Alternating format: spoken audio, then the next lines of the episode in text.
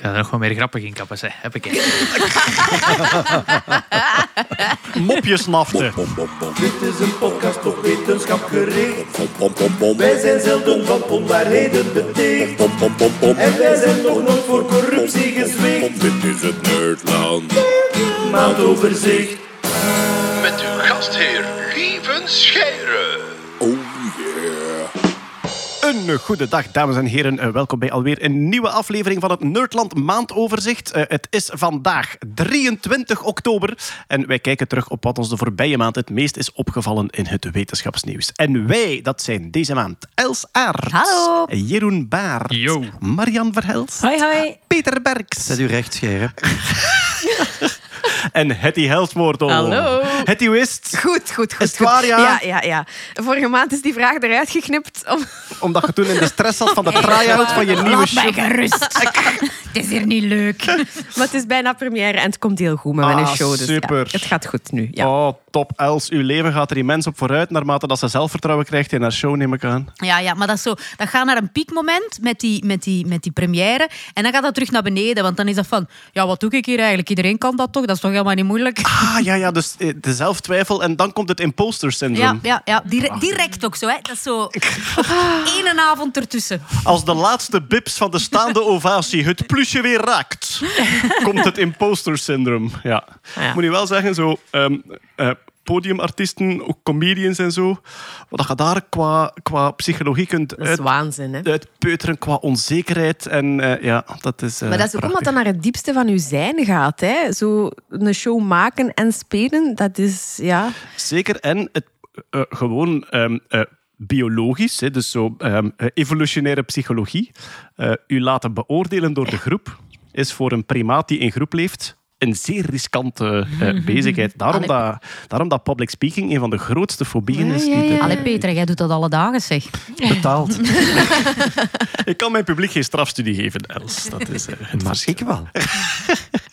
Oké, we gaan eh, eens eh, kijken naar het wetenschapsnieuws. En ja, we zullen maar direct beginnen met deze. Ik kreeg eh, de voorbije maand een e-mail van mijn vrienden van 23andMe. Ah ja, die heb ik ook gehad. Ergens zit jij ook bij 23andMe? Ja, voilà. Ehm 23andMe is dus een website waar dat je een DNA-test kan laten doen. Ze sturen dan een testje op. Je wiebelt een beetje in je mond met zo'n swab, met zo'n wattenstaafje. Je stuurt dat terug op naar het lab. Uw DNA wordt uitgelezen, niet volledig. En dan kun je inloggen op de website en leuke dingetjes over jezelf te weten komen als... eh, Heb ik veel kans om vroegtijdig kaal te worden? Hoeveel procent Neandertaler ben ik? Familieleden opzoeken in de databank. En ehm, ja, Peter en ik eh, als klanten daar kregen dus eh, de e-mail de voorbije maand.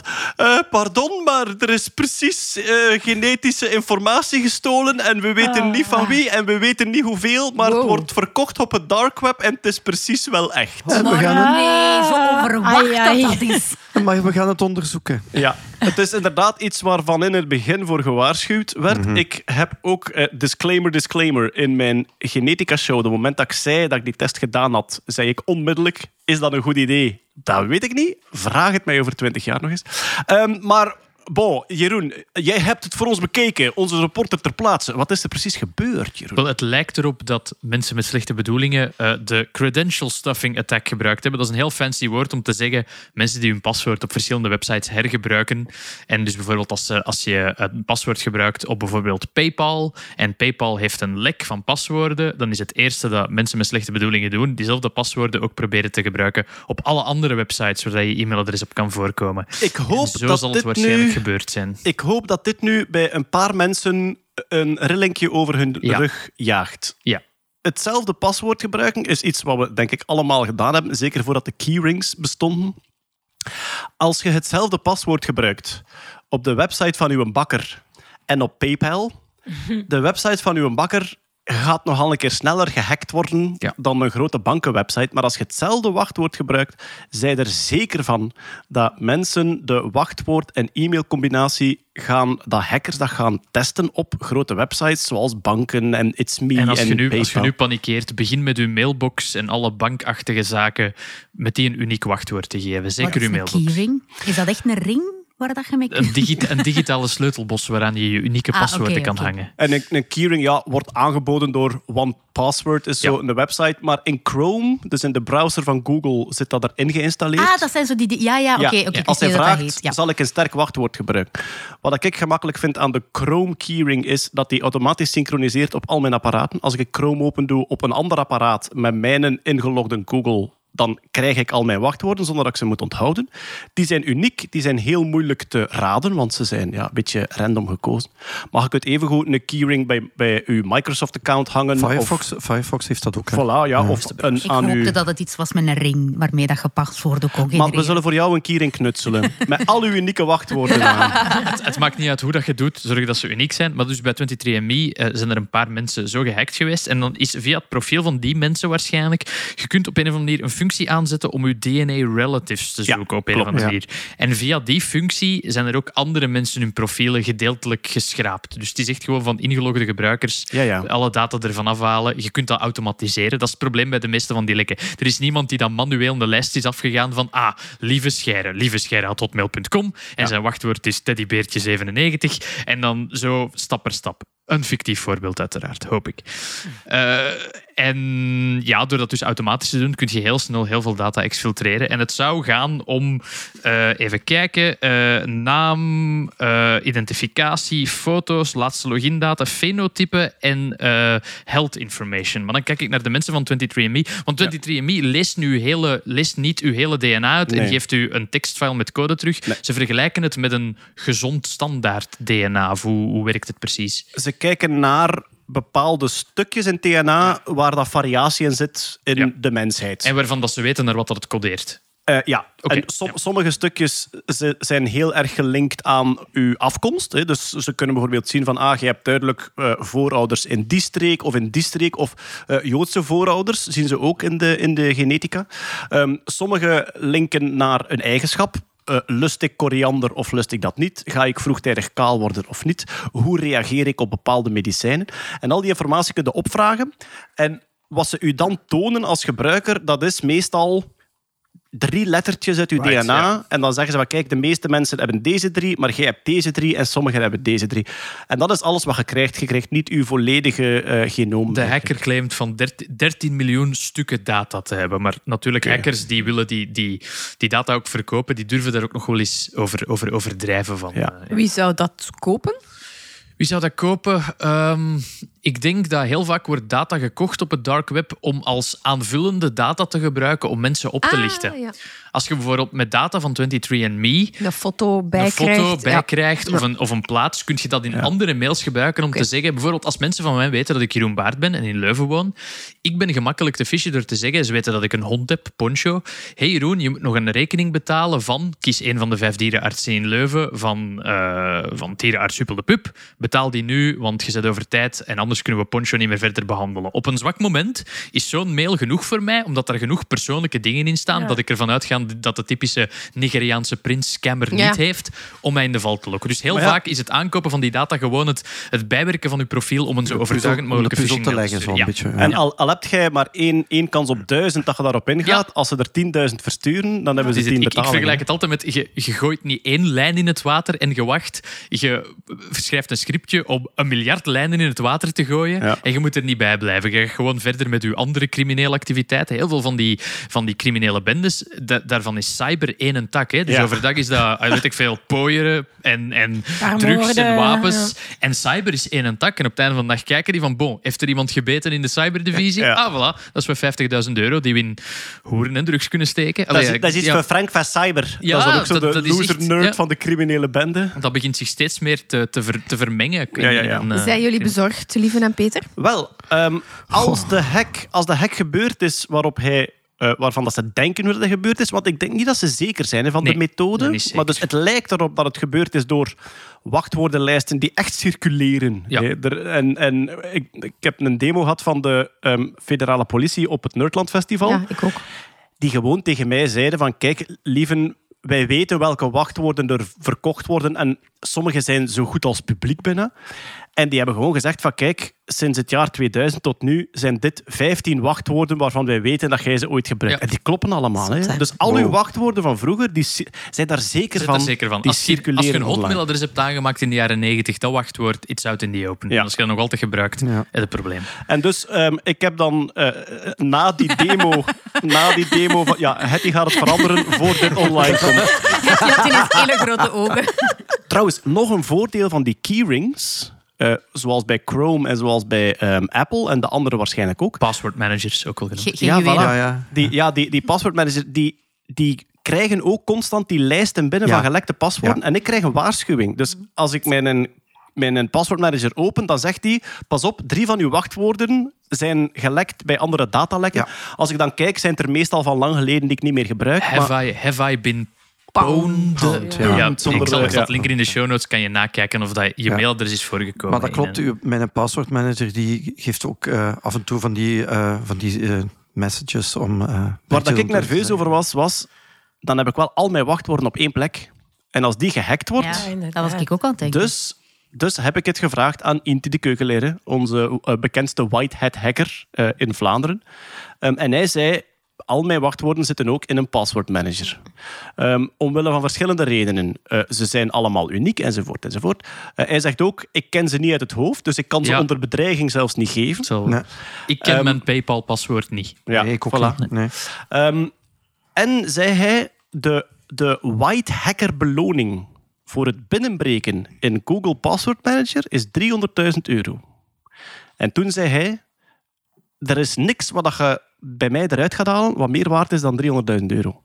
Dus het is voor, stel dat een hacker erin slaagt om binnen te breken in uw Google-account, op een manier die echt, ja, echt software hacking is, dan krijg je 300.000 euro van Google als je het probleem meldt. En dat is ook een soort extra bescherming. Ja, Ja. ja, ja, ja. omdat je, ja, eh, het is gewoon lucratiever om het te melden dan om bij mij te komen rondneuzen in, in mijn Gmail. Om het kort te zeggen, niemand kan met die gelekte data, of die gestolen data van 23andMe nu een soort van DNA-profiel van lieve scheiden aanmaken en daarmee biometrische systemen om... Nee. Dat, dat, Een klein mini-lievertje maken. Ja, wel, ja, nee. Ehm, ja, wat ik dus wil zeggen, eh, als het gebeurd is zoals het verteld wordt, dan zit ik er zeker niet bij. Ik heb een uniek, uniek wachtwoord bij 23andMe en ik heb two-factor authentication. En, en je, je wordt nergens vermeld in eh, related eh, die familie zoeken. Want dat is het punt. Als je, Ah, ja. als je die familiezoekfunctie had aangezet Ja. en er werd vanaf uw profiel een link gelegd met een, een, profiel van mensen die mogelijk familie waren, konden ze die data ook uithalen. Dus als jij familieleden hebt die dat zo veilig niet zijn als u, dan zitten er mogelijk wel bij. Maar dat is heel beperkt. Ah, het is, dus de, mo- de moment dat ik een familiematch krijg, hè, want ik heb, heel, ik heb meer dan duizend familiematchen op 23andMe. Oké, dus. Ja, maar dat gaat ja. 7, 8... Maar dat is echt verwonderlijk. Dat gaat 7, 8 generaties verder. Dat is immens wat aan getallen dat dat zijn. Ehm, ik kan bij hen heel beperkt kijken Ja, naar ja. hun eigenschappen, maar ik kan, ik kan niet gaan zien wat die koriander lusten, bijvoorbeeld. Dat, eh, dat, en Nee, je weet alleen maar of ze, of ze verwant zijn. En Ja, en meer- hoeveel, hoeveel procent... Ja, hoeveel procent dat, dat is. Ja. Hè? En wel, soms kun je zien welke stukken van, van, welke stukken van de Ja, chromosomen die verwant zijn, maar Ja. dat is heel miniem. Eh, ja, two-factor authentication is ook iets wat dat Inti zei. Eh, Ja. Dat is echt de manier om een hacker eh, de slechtste dag van zijn week te bezorgen.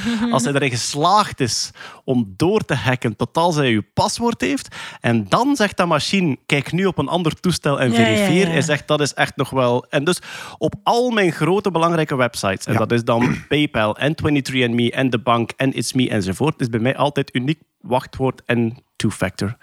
En dan, ja, voor de gelegenheidsaccounts. Ik heb het ook ooit uitgelegd aan iemand als...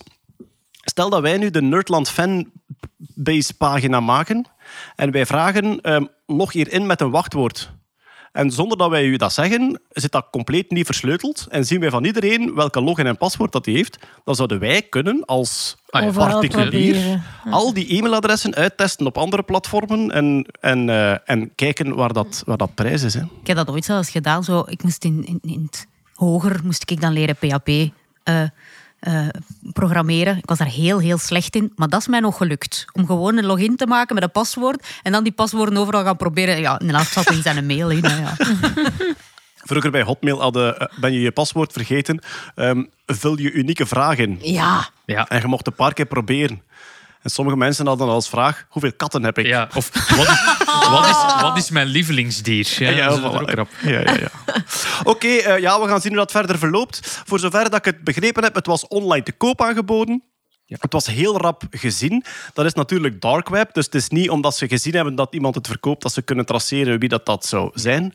En of dat daar iets mee gaat gebeuren, ik denk eigenlijk omdat er zoveel spotlight op staat, dat misschien al wat verbrand is. Dat Eh, gaat gemixt en gemengd worden met meer data van andere mensen. En dat Oh ja, gaat oké. gebruikt worden om beter te fishen. Versneden data. Versneden data. Ja.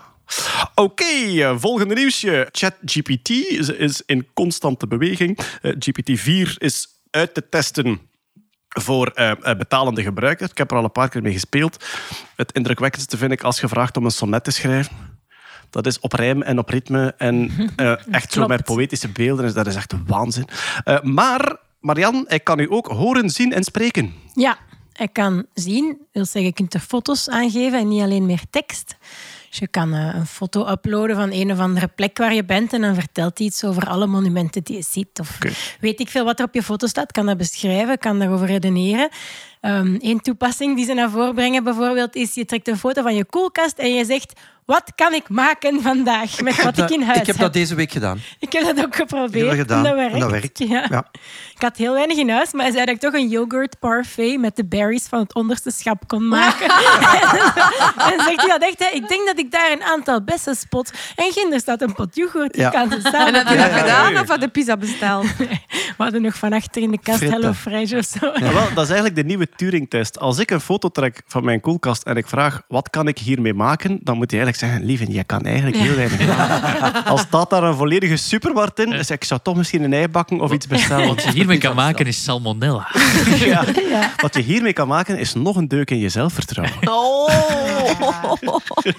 Maar ja, ze hebben zo allerlei toepassingen. Stel, je wil iets verkopen op het internet. Dan moet je normaal zo'n heel zoekertje aanmaken. Nu trekt hij daar een foto van en zegt, beschrijft mij dat om te verkopen. En dan maakt dat perfect Ah, ja, zoekertje. En je kunt de raarste objecten geven. En vaak weet hij wat het is. Ik heb hier net een eh, oude radiator getrokken. En die zegt, I think it's a very... eh, is? Is dat een vintage um, radiator. Hij Hij spreekt ook al zo die typische Ja, ja. tweedehandstaal. Beschrijft het helemaal. Op de frisserijwoning. Ja. Ja. Lichte Dat, gebruiksschade. dat is een krot. Ja. Mijn autosleutel dacht wel dat dat een USB eh ski Heb je al geprobeerd maar- om een foto van iemand te trekken en te vragen, is deze persoon knap? Want ik, ik had daar iets over gelezen. Dat dat, eh, We hebben dat met u geprobeerd, Jeroen. Als je Ah, ja, foto's uploadt, hè, de Nerdland podcast, Who is the most attractive podcaster? ah, en? hebben we geprobeerd. Eh? Eh? Sorry, I can't help with that. Oh, dat is Ah, de guardrails. nee, De en hij wil guardrails. het niet. Hij wil het niet. Maar ik heb wel gelezen dat, ze, dat mensen al de guardrails doorbroken hebben door Ja. een, af, een, een afbeelding te uploaden die volledig wit is, behalve in een kleur die daar één RGB-puntje boven wit is, daar iets in te schrijven als ignore what it says here en dan iets extreem Echt? racistisch. Dat Ja. Dat mensen tekst verstoppen in afbeeldingen, dus dat je de afbeeldingen prompt uploadt. hacking. Prompt hacking via, via image. Ja. Wauw, waanzin. Ehm, hij kan ook horen, dus je kunt Ja, met dus- speech in, inspreken dan eigenlijk. Hij kan zowel horen als spreken. Dus ze hebben er de Whisper-technologie in gestoken. Dat is een, een spraakherkenningssysteem dat OpenAI al had. ja. En dus je kan praten. Hij zet het dan om, speech to text. En dan wat hij normaal geschreven teruggeeft, kan hij mondeling terug Ik zeggen. zie dat hij enkel fluistert wegens het systeem. Nee, nee. Je kunt En hem misschien waar- instellen op introvert. Het is een vintage radiator. denk het toch. Eh, wat mensen doen is, vertel mij een bedverhaaltje. Bijvoorbeeld de drie biggetjes, maar dan in gangster-style. Ah, Zo, ja. En dan vertelt hij Super. gangster biggetjes. Of eh, s- mensen zeggen, ja, je kan, er met, eh, je kan er over je stressproblemen mee praten. Bla, dat wordt creepy op dat, Dat wordt creepy, ja. Ja, ja. Ehm, ja, qua guardrails kwam eh, Microsoft ook met een, ehm, een melding. Die hebben wat problemen gehad met hun Bing Image Generator. Eh, Dus je kunt, Ja. je kunt DALI eigenlijk uittesten in, in Bing. Ja. Ehm, En- eh, en mensen hebben daar van alles mee Ja, gedaan. mensen hadden een Mickey Mouse achter het stuur van een van de vliegtuigen van 9-11. Ja, voilà. En dat werd gegenereerd, ook al is dat een zeer problematische afbeelding. Ja. SpongeBob SquarePants als eh, jihadi, dat soort dingen. Ja, ja. Eh, problematisch. Ja. Elon Musk in sexy lingerie met een vrouwenlichaam, maar dat was op Facebook, denk ik, Ja, dat ze die ja. konden maken. Enfin, zoals altijd, altijd als die generative AI gereleased wordt, dan springt daar een leger op die daar vetzakkerij uit willen krijgen. Ehm, en bij Bing hebben ze dus, eh, ja, er werd gezegd, eh, Microsoft has lobotomized Bing Image Generator. Dus ze hebben hem echt heel mak gemaakt. En er is nu een, ehm, eh, er is nu een prijs van 15.000 dollar als je er toch nog smeerlapperij uit krijgt. Als je er, niet alleen als je de smeerlapperij uit krijgt, ehm, als je de smeerlapperij uit krijgt die een effect heeft op andere gebruikers van het systeem. Dat is de, op een of andere manier, als je Bing kapot maakt, zodat het voor de andere personen die Bing aan het gebruiken zijn ook kapot is, dan krijg je dat geld. Want bijvoorbeeld in de week, eh, je had iets doorgestuurd van een grote robotarm waar dan een mens op staat. Je dacht van, dat is misschien iets voor op eh, de Nerdland, eh, Nerdland for Kids. Eh, de show die doorgaat en waar nog altijd tickets voor te koop zijn. 27 december. eh, eh. Ja, en ik dacht van, oh, ik wil dat maken. Ik wil lieve scherren maken. En ik had me dan ingebeeld dat jij eh, vrolijk over het publiek zou overgeven. Maar ik heb heel hard mijn best moeten doen om Vomit mocht ik niet gebruiken. eh, projectile Vomit mocht ik niet gebruiken. Maar op een of andere manier, being sick all over the attending audience, dat ging er nog net mocht. door. Ah, ja. Ging nog net door. Dus ja. Oké, en heeft hij dan ook een braaksel gegenereerd? Of, Wel, eh? dat was beperkt. Dat was beperkt. Het was duidelijk dat wegblijven van alles dat ziek en negatief was, Ja, dat dat er wel in zat. Ja. Oké, voilà, kijk, eh, de nieuwe GPT. Ik ga hem wel een keer testen. Maar het is wel alleen voor de Plus en de Enterprise user. Ah ja. En wat Wel- hij ook nog niet kan, is naar een IKEA-plannetje kijken en dan stap voor stap zeggen wat je nu eigenlijk moet doen. Ach, eh, nog te moeilijk. Ja, Scheiden. maar daar, dient, dat- daar dient dat plannetje al voor. Hè? Allee, je moet een plannetje hebben voor het plannetje te kunnen volgen. blijkbaar, ja. Ik moet wel. Zeggen, DALI 3, als je er van Bing mee speelt, ik ben onder de indruk omdat de resolutie van de printjes ook verhoogd is. Bij DALI 2 had je 512 op 512 pixels. Ja. En bij DALI 3 is het 1020 1024 op 1024. Dat is qua kwaliteit al heel goed, qua snelheid ook. Ik had een wasbeer gevraagd die voor het Colosseum een funky gitaarsolo speelt, want ik had geen inspiratie. En wat dat eruit komt, was daar echt onder de indruk. Qua compositie, qua belichting, eh, ja. Uh, maar dus iedereen met een Microsoft-account, en dat is bijna iedereen denk ik op dit moment, kan gewoon inloggen en dan naar bing.com gaan en, het doorklikken op afbeeldingen en op maken en dan krijg je er 100 gratis. Of gewoon aan Bing vragen, create me an image of. Ah ja, dat, eh, het, wordt niet, het wordt niet expliciet aangekondigd, maar je kunt gewoon vragen, create me an image Ah, ja, of. En dan gaat hem soms zeggen, ik heb op het internet wat afbeeldingen gevonden en dit Ja. is wat ik zelf geprobeerd heb. Ah ja, Oké, dringend tijd voor de Romeinen. Weg Ja. van al die nieuwe wetserijen, alhoewel er Het is zijn ook wel... AI dat, hè? Ja, het is oké, ja. En er zijn, ook, er zijn ook wel hypermoderne technieken gebruikt. De Herculaneumrol, wacht, zeg ik het goed als ik zeg, Ja. de eerste letters van de Herculaneumrol zijn gelezen? Het eerste woord. Het eerste woord. En al veel meer ondertussen. Ja, ja, Begin, ondertussen maar, wel. begin maar met de Herculaneumrol, eh, Peter. Waar gaat het om? Dus er is een villa gevonden in Herculaneum. Die zou toegeschreven worden aan de familie van de schoonvader van Julius Keizer. En ehm, ze hebben daar in de eh, eind jaren 1700, eh, begin jaren 1800 hebben ze die villa uitgegraven. En ze hebben daar een bibliotheek in gevonden Mhm. waar toen dachten ze ongeveer 1800 papierrollen in zaten. Een deel daarvan hebben die mannen gedacht, dat is houtskool, dat smijten we op het vuur. Ach, En dan is er toch wel ergens een slibberik geweest van, ho, ho, ho, dat gaan we niet doen. Ja. Dat is blijkbaar wel papyrus. Maar dat is allemaal verkoold. Je kunt dat dus niet ontrollen. want dan wordt het as. Dan wordt het as.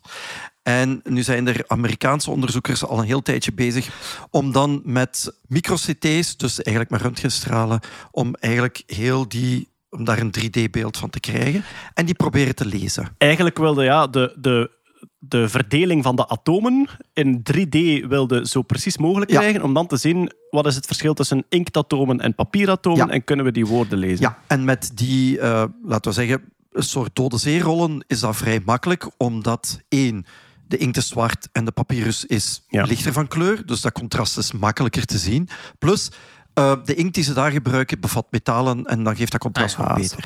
Probleem met de papyrusrollen uit Herculaneum.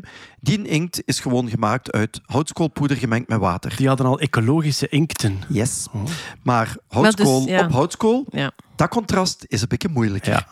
Het enige wat ze nu kunnen doen, is gewoon de dikte van de inkt proberen te meten. Ja. Dus dat is die ding. Maar als ik me niet vergis, hebben ze het niet zelf ontcijferd, maar hebben ze hun data Ja, opengezet dus en gevraagd. Eigenlijk, eigenlijk hadden ze een hele hoop trainingsdata. Ze hadden software geschreven en ze hebben gezegd van kijk, we hebben eigenlijk de tijd, nog de resources meer om dat te doen. We gaan er een wedstrijd eh, van maken.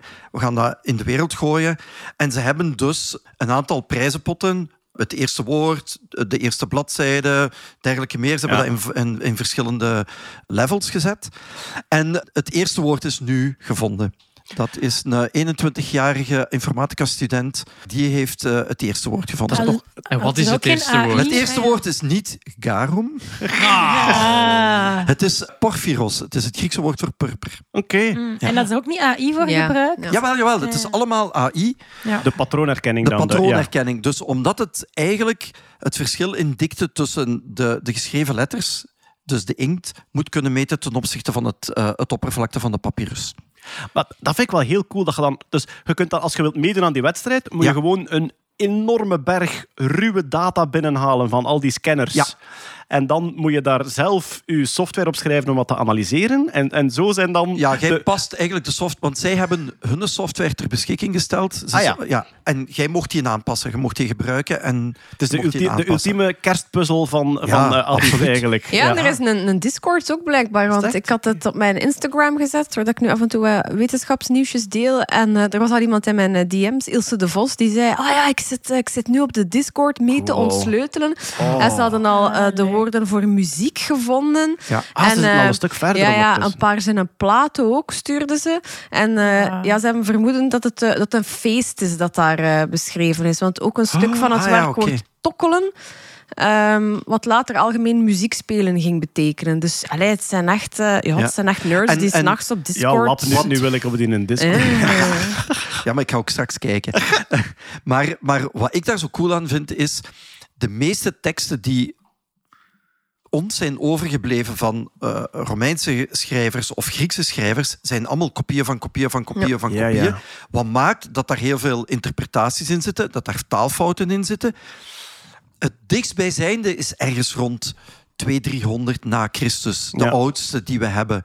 En nu zou je, hè, dit is 79 na Christus. Je dus- zou bijna blij zijn dat dat verbrand is en verkoold en dat dat daardoor wel bewaard is. Ja. Ja, ja. maar ja, daar kan eigenlijk wel, hè? nieuw werk in zitten. Hè? Waar, Ja, allee, absoluut. Ja. Dus men vermoedt ook dat eh, daar, zitten, daar zit literatuur in van een Griekse filosoof Philomedes, geloof ik. Ja. En ze veronderstellen dat hij daar ook een tijd gewoond heeft. Mhm. En dat dus daar de originele rollen van die man, de originele geschriften van hemzelf, daar in de bibliotheek liggen. En ja, dat is, stel dat je daar, ik zeg nu maar iets, de originele rollen van Plinius de Oudere vindt. Want hij is gestorven eh, Ja. tijdens de uitbarsting. Maar hij was toen al begonnen aan zijn De Re Naturalis. Hè? Of Ja. Naturalis Historia is het. Hè? Ja, dus daar zou een kopie van kunnen liggen. Die misschien niet van zijn hand, maar gewoon een eerste kopie is van wat hij geschreven heeft. En dan kun je, stel dat je dat zou kunnen lezen, ja, dan kun je kijken van welke fouten hebben wij allemaal gemaakt in de loop, eh, in de de loop der jaren. Hè? Ja. Ik vind dat geweldig dat je zo dicht op, op eh, de tijd zelf kunt, kunt teruggaan om, Ja, ja. om die dingen te lezen. Ja, maar het gaat, Allee, het gaat fantastisch zijn als daar dat soort unieke teksten uitkomen. Maar ja. zelfs de fase daarvoor, dat ontcijferen. Maar ja, dat, jong, dat- echt. vooral die, die crowdsourcing, dat je vanuit je eigen living mee die rabbit hole kunt induiken. En als je een beetje, als je een beetje aan ehm eh, data-wetenschappen kunt doen, dat je nog zelf kunt meehelpen om, om Maar ja. te kruisen. En het zijn, het zijn er veel hoor. Ik geloof dat er nog een 800 rollen Ja. eh, beschikbaar zijn. We hebben nog werk. Er is nog werk. We hebben nog tijd tot de kerstpuzzel. Toen we, toen we denken aan die, die mop van Wouter Monde, een mop die enkel werkt omdat ik er hard mee kan lachen. De enige goede zeerol is een dode zeerol. ja, ja. Oké. Yes. Alright, over naar het volgende onderwerp. Ehm, eh, alweer AI. Eh, maar ja, goed, dat eh, zal nog wel een paar maanden Dat zo zal wel blijven. even blijven, ja. dat zal Ja. nog wel zo zijn. Eh, Els, Spotify. Ja, we hadden het vorige keer al over filmpjes die vertaald konden worden naar een andere taal. Spotify zou dat willen doen met podcasts. Ze zijn aan het experimenteren. Allee. Ja, ja ze, hebben er, eh, ze hebben er zo drie al, al gekozen, drie podcastmakers. Oké. Die, ehm, Zijn we erbij? Nee. Oh. Allee. Het is die Joe Rogan zeker. Nee, nee, ook niet. Ook niet. Ehm, nee, het is eh, eh, Lex Fridman, Ah, ja. Dax Shepard en Bill Simmons.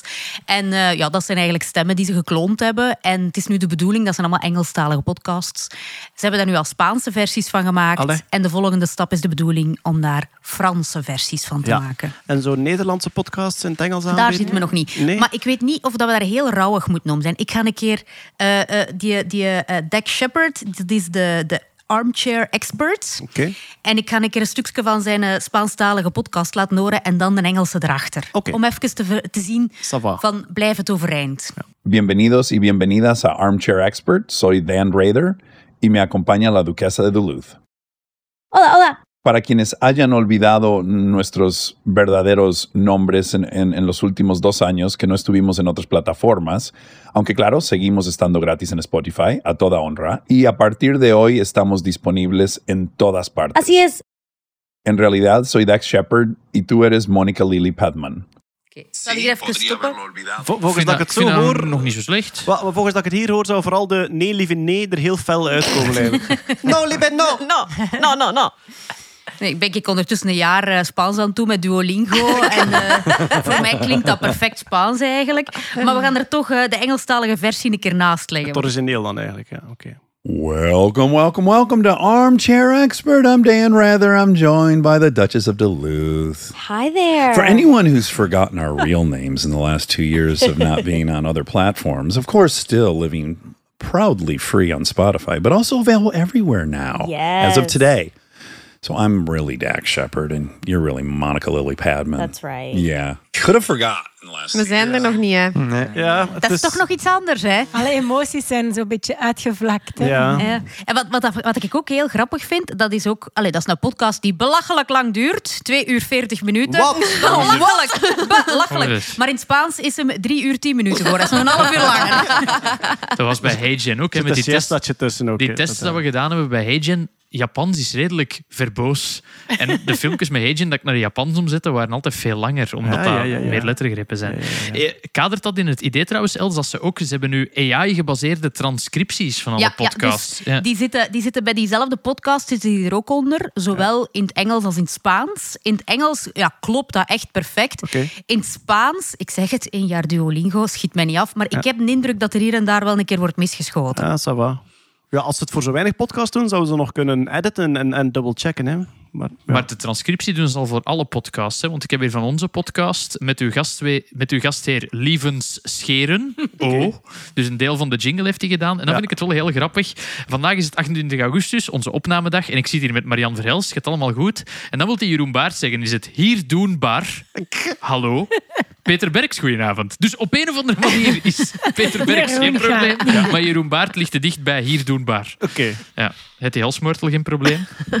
Ja, kijk. Ja, het is, eh, je kunt als je Spotify gebruikt en je drukt op het, het, eh, tabelletje transcript, dan kun je een transcriptie van onze podcast zien die automatisch gegenereerd is. Ah, en waar ja. dat we dus niks mee te maken hebben. Maar die vertalingen die zijn via een systeem van eh, OpenAI dat nog niet helemaal open... Allee, dat ze nog echt aan het Ah. testen zijn. Want ze zijn dus heel bang voor ehm, eh, ja, spoofing en zo. Hè, dat, dat je weet. eh. Nog een beetje gesloten AI. Nou, nou, gesloten OpenAI, ja. Ja.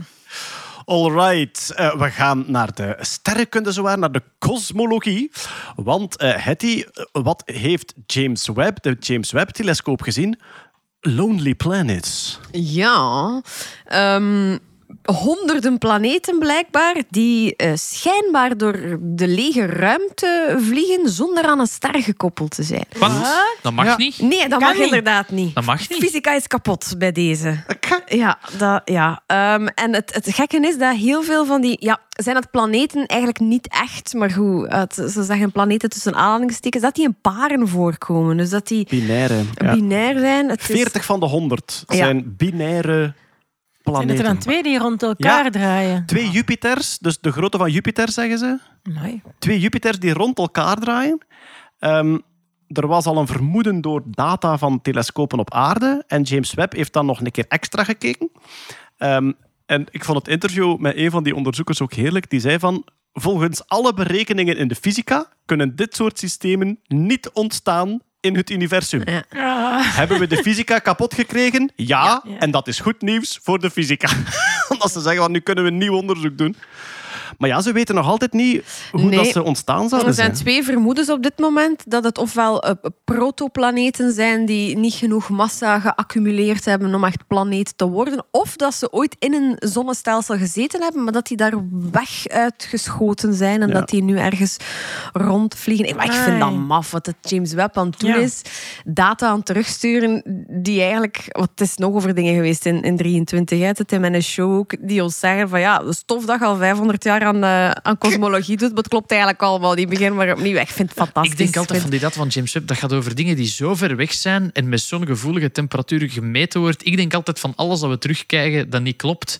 Is dat niet gewoon ruis of een stoort? Snap je? Ik, ik, ik heb, Een stofje op dat de lens. Zo, omdat dat zo'n maf ding is, dat zo gevoelig is aan zoveel factoren, denk ik altijd van oké, ja, het kan er initieel funky uitzien, maar na vijf jaar analyse gaan we erop komen dat het een soort van warmteverschil was op een sensor. Nee, ik denk net het niet. tegendeel. Dat dit zo wat de, de ruwe data zijn waar dat al zotte shit uitkomt. En een keer dat dat gaat geverifieerd worden, dat het gewoon nog veel zotter gaat zijn.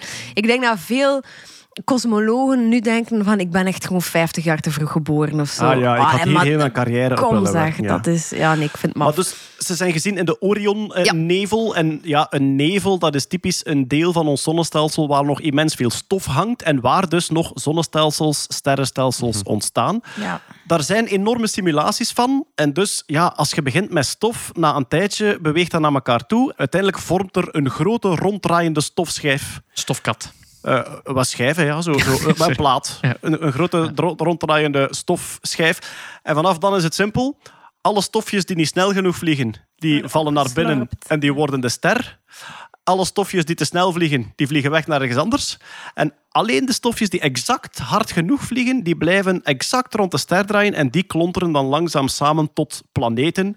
En af en toe een mislukte planeet, zoals tussen de aarde en Mars, hangt er nog een hele hoop brokstukken die een planeet hadden kunnen worden, maar die er te, te, te, te, te tam zijn voor waren. goudlokjesplaneten. Eh, Ja, voilà. Maar ehm, dat, dat een planeet kan ontstaan buiten zo'n enorme stofschijf, daar is gewoon geen enkele Ja, simulatie maar er voor. zijn er dan misschien die inderdaad zijn weggeschoten. Dat is het. Ze, ze vinden dat, en het is piepjong, hè, Ja. maar ze, ze vinden dat de meest plausibele verklaring met één gigantische hersenbreker, en dat zijn die binaire planeten. Ja.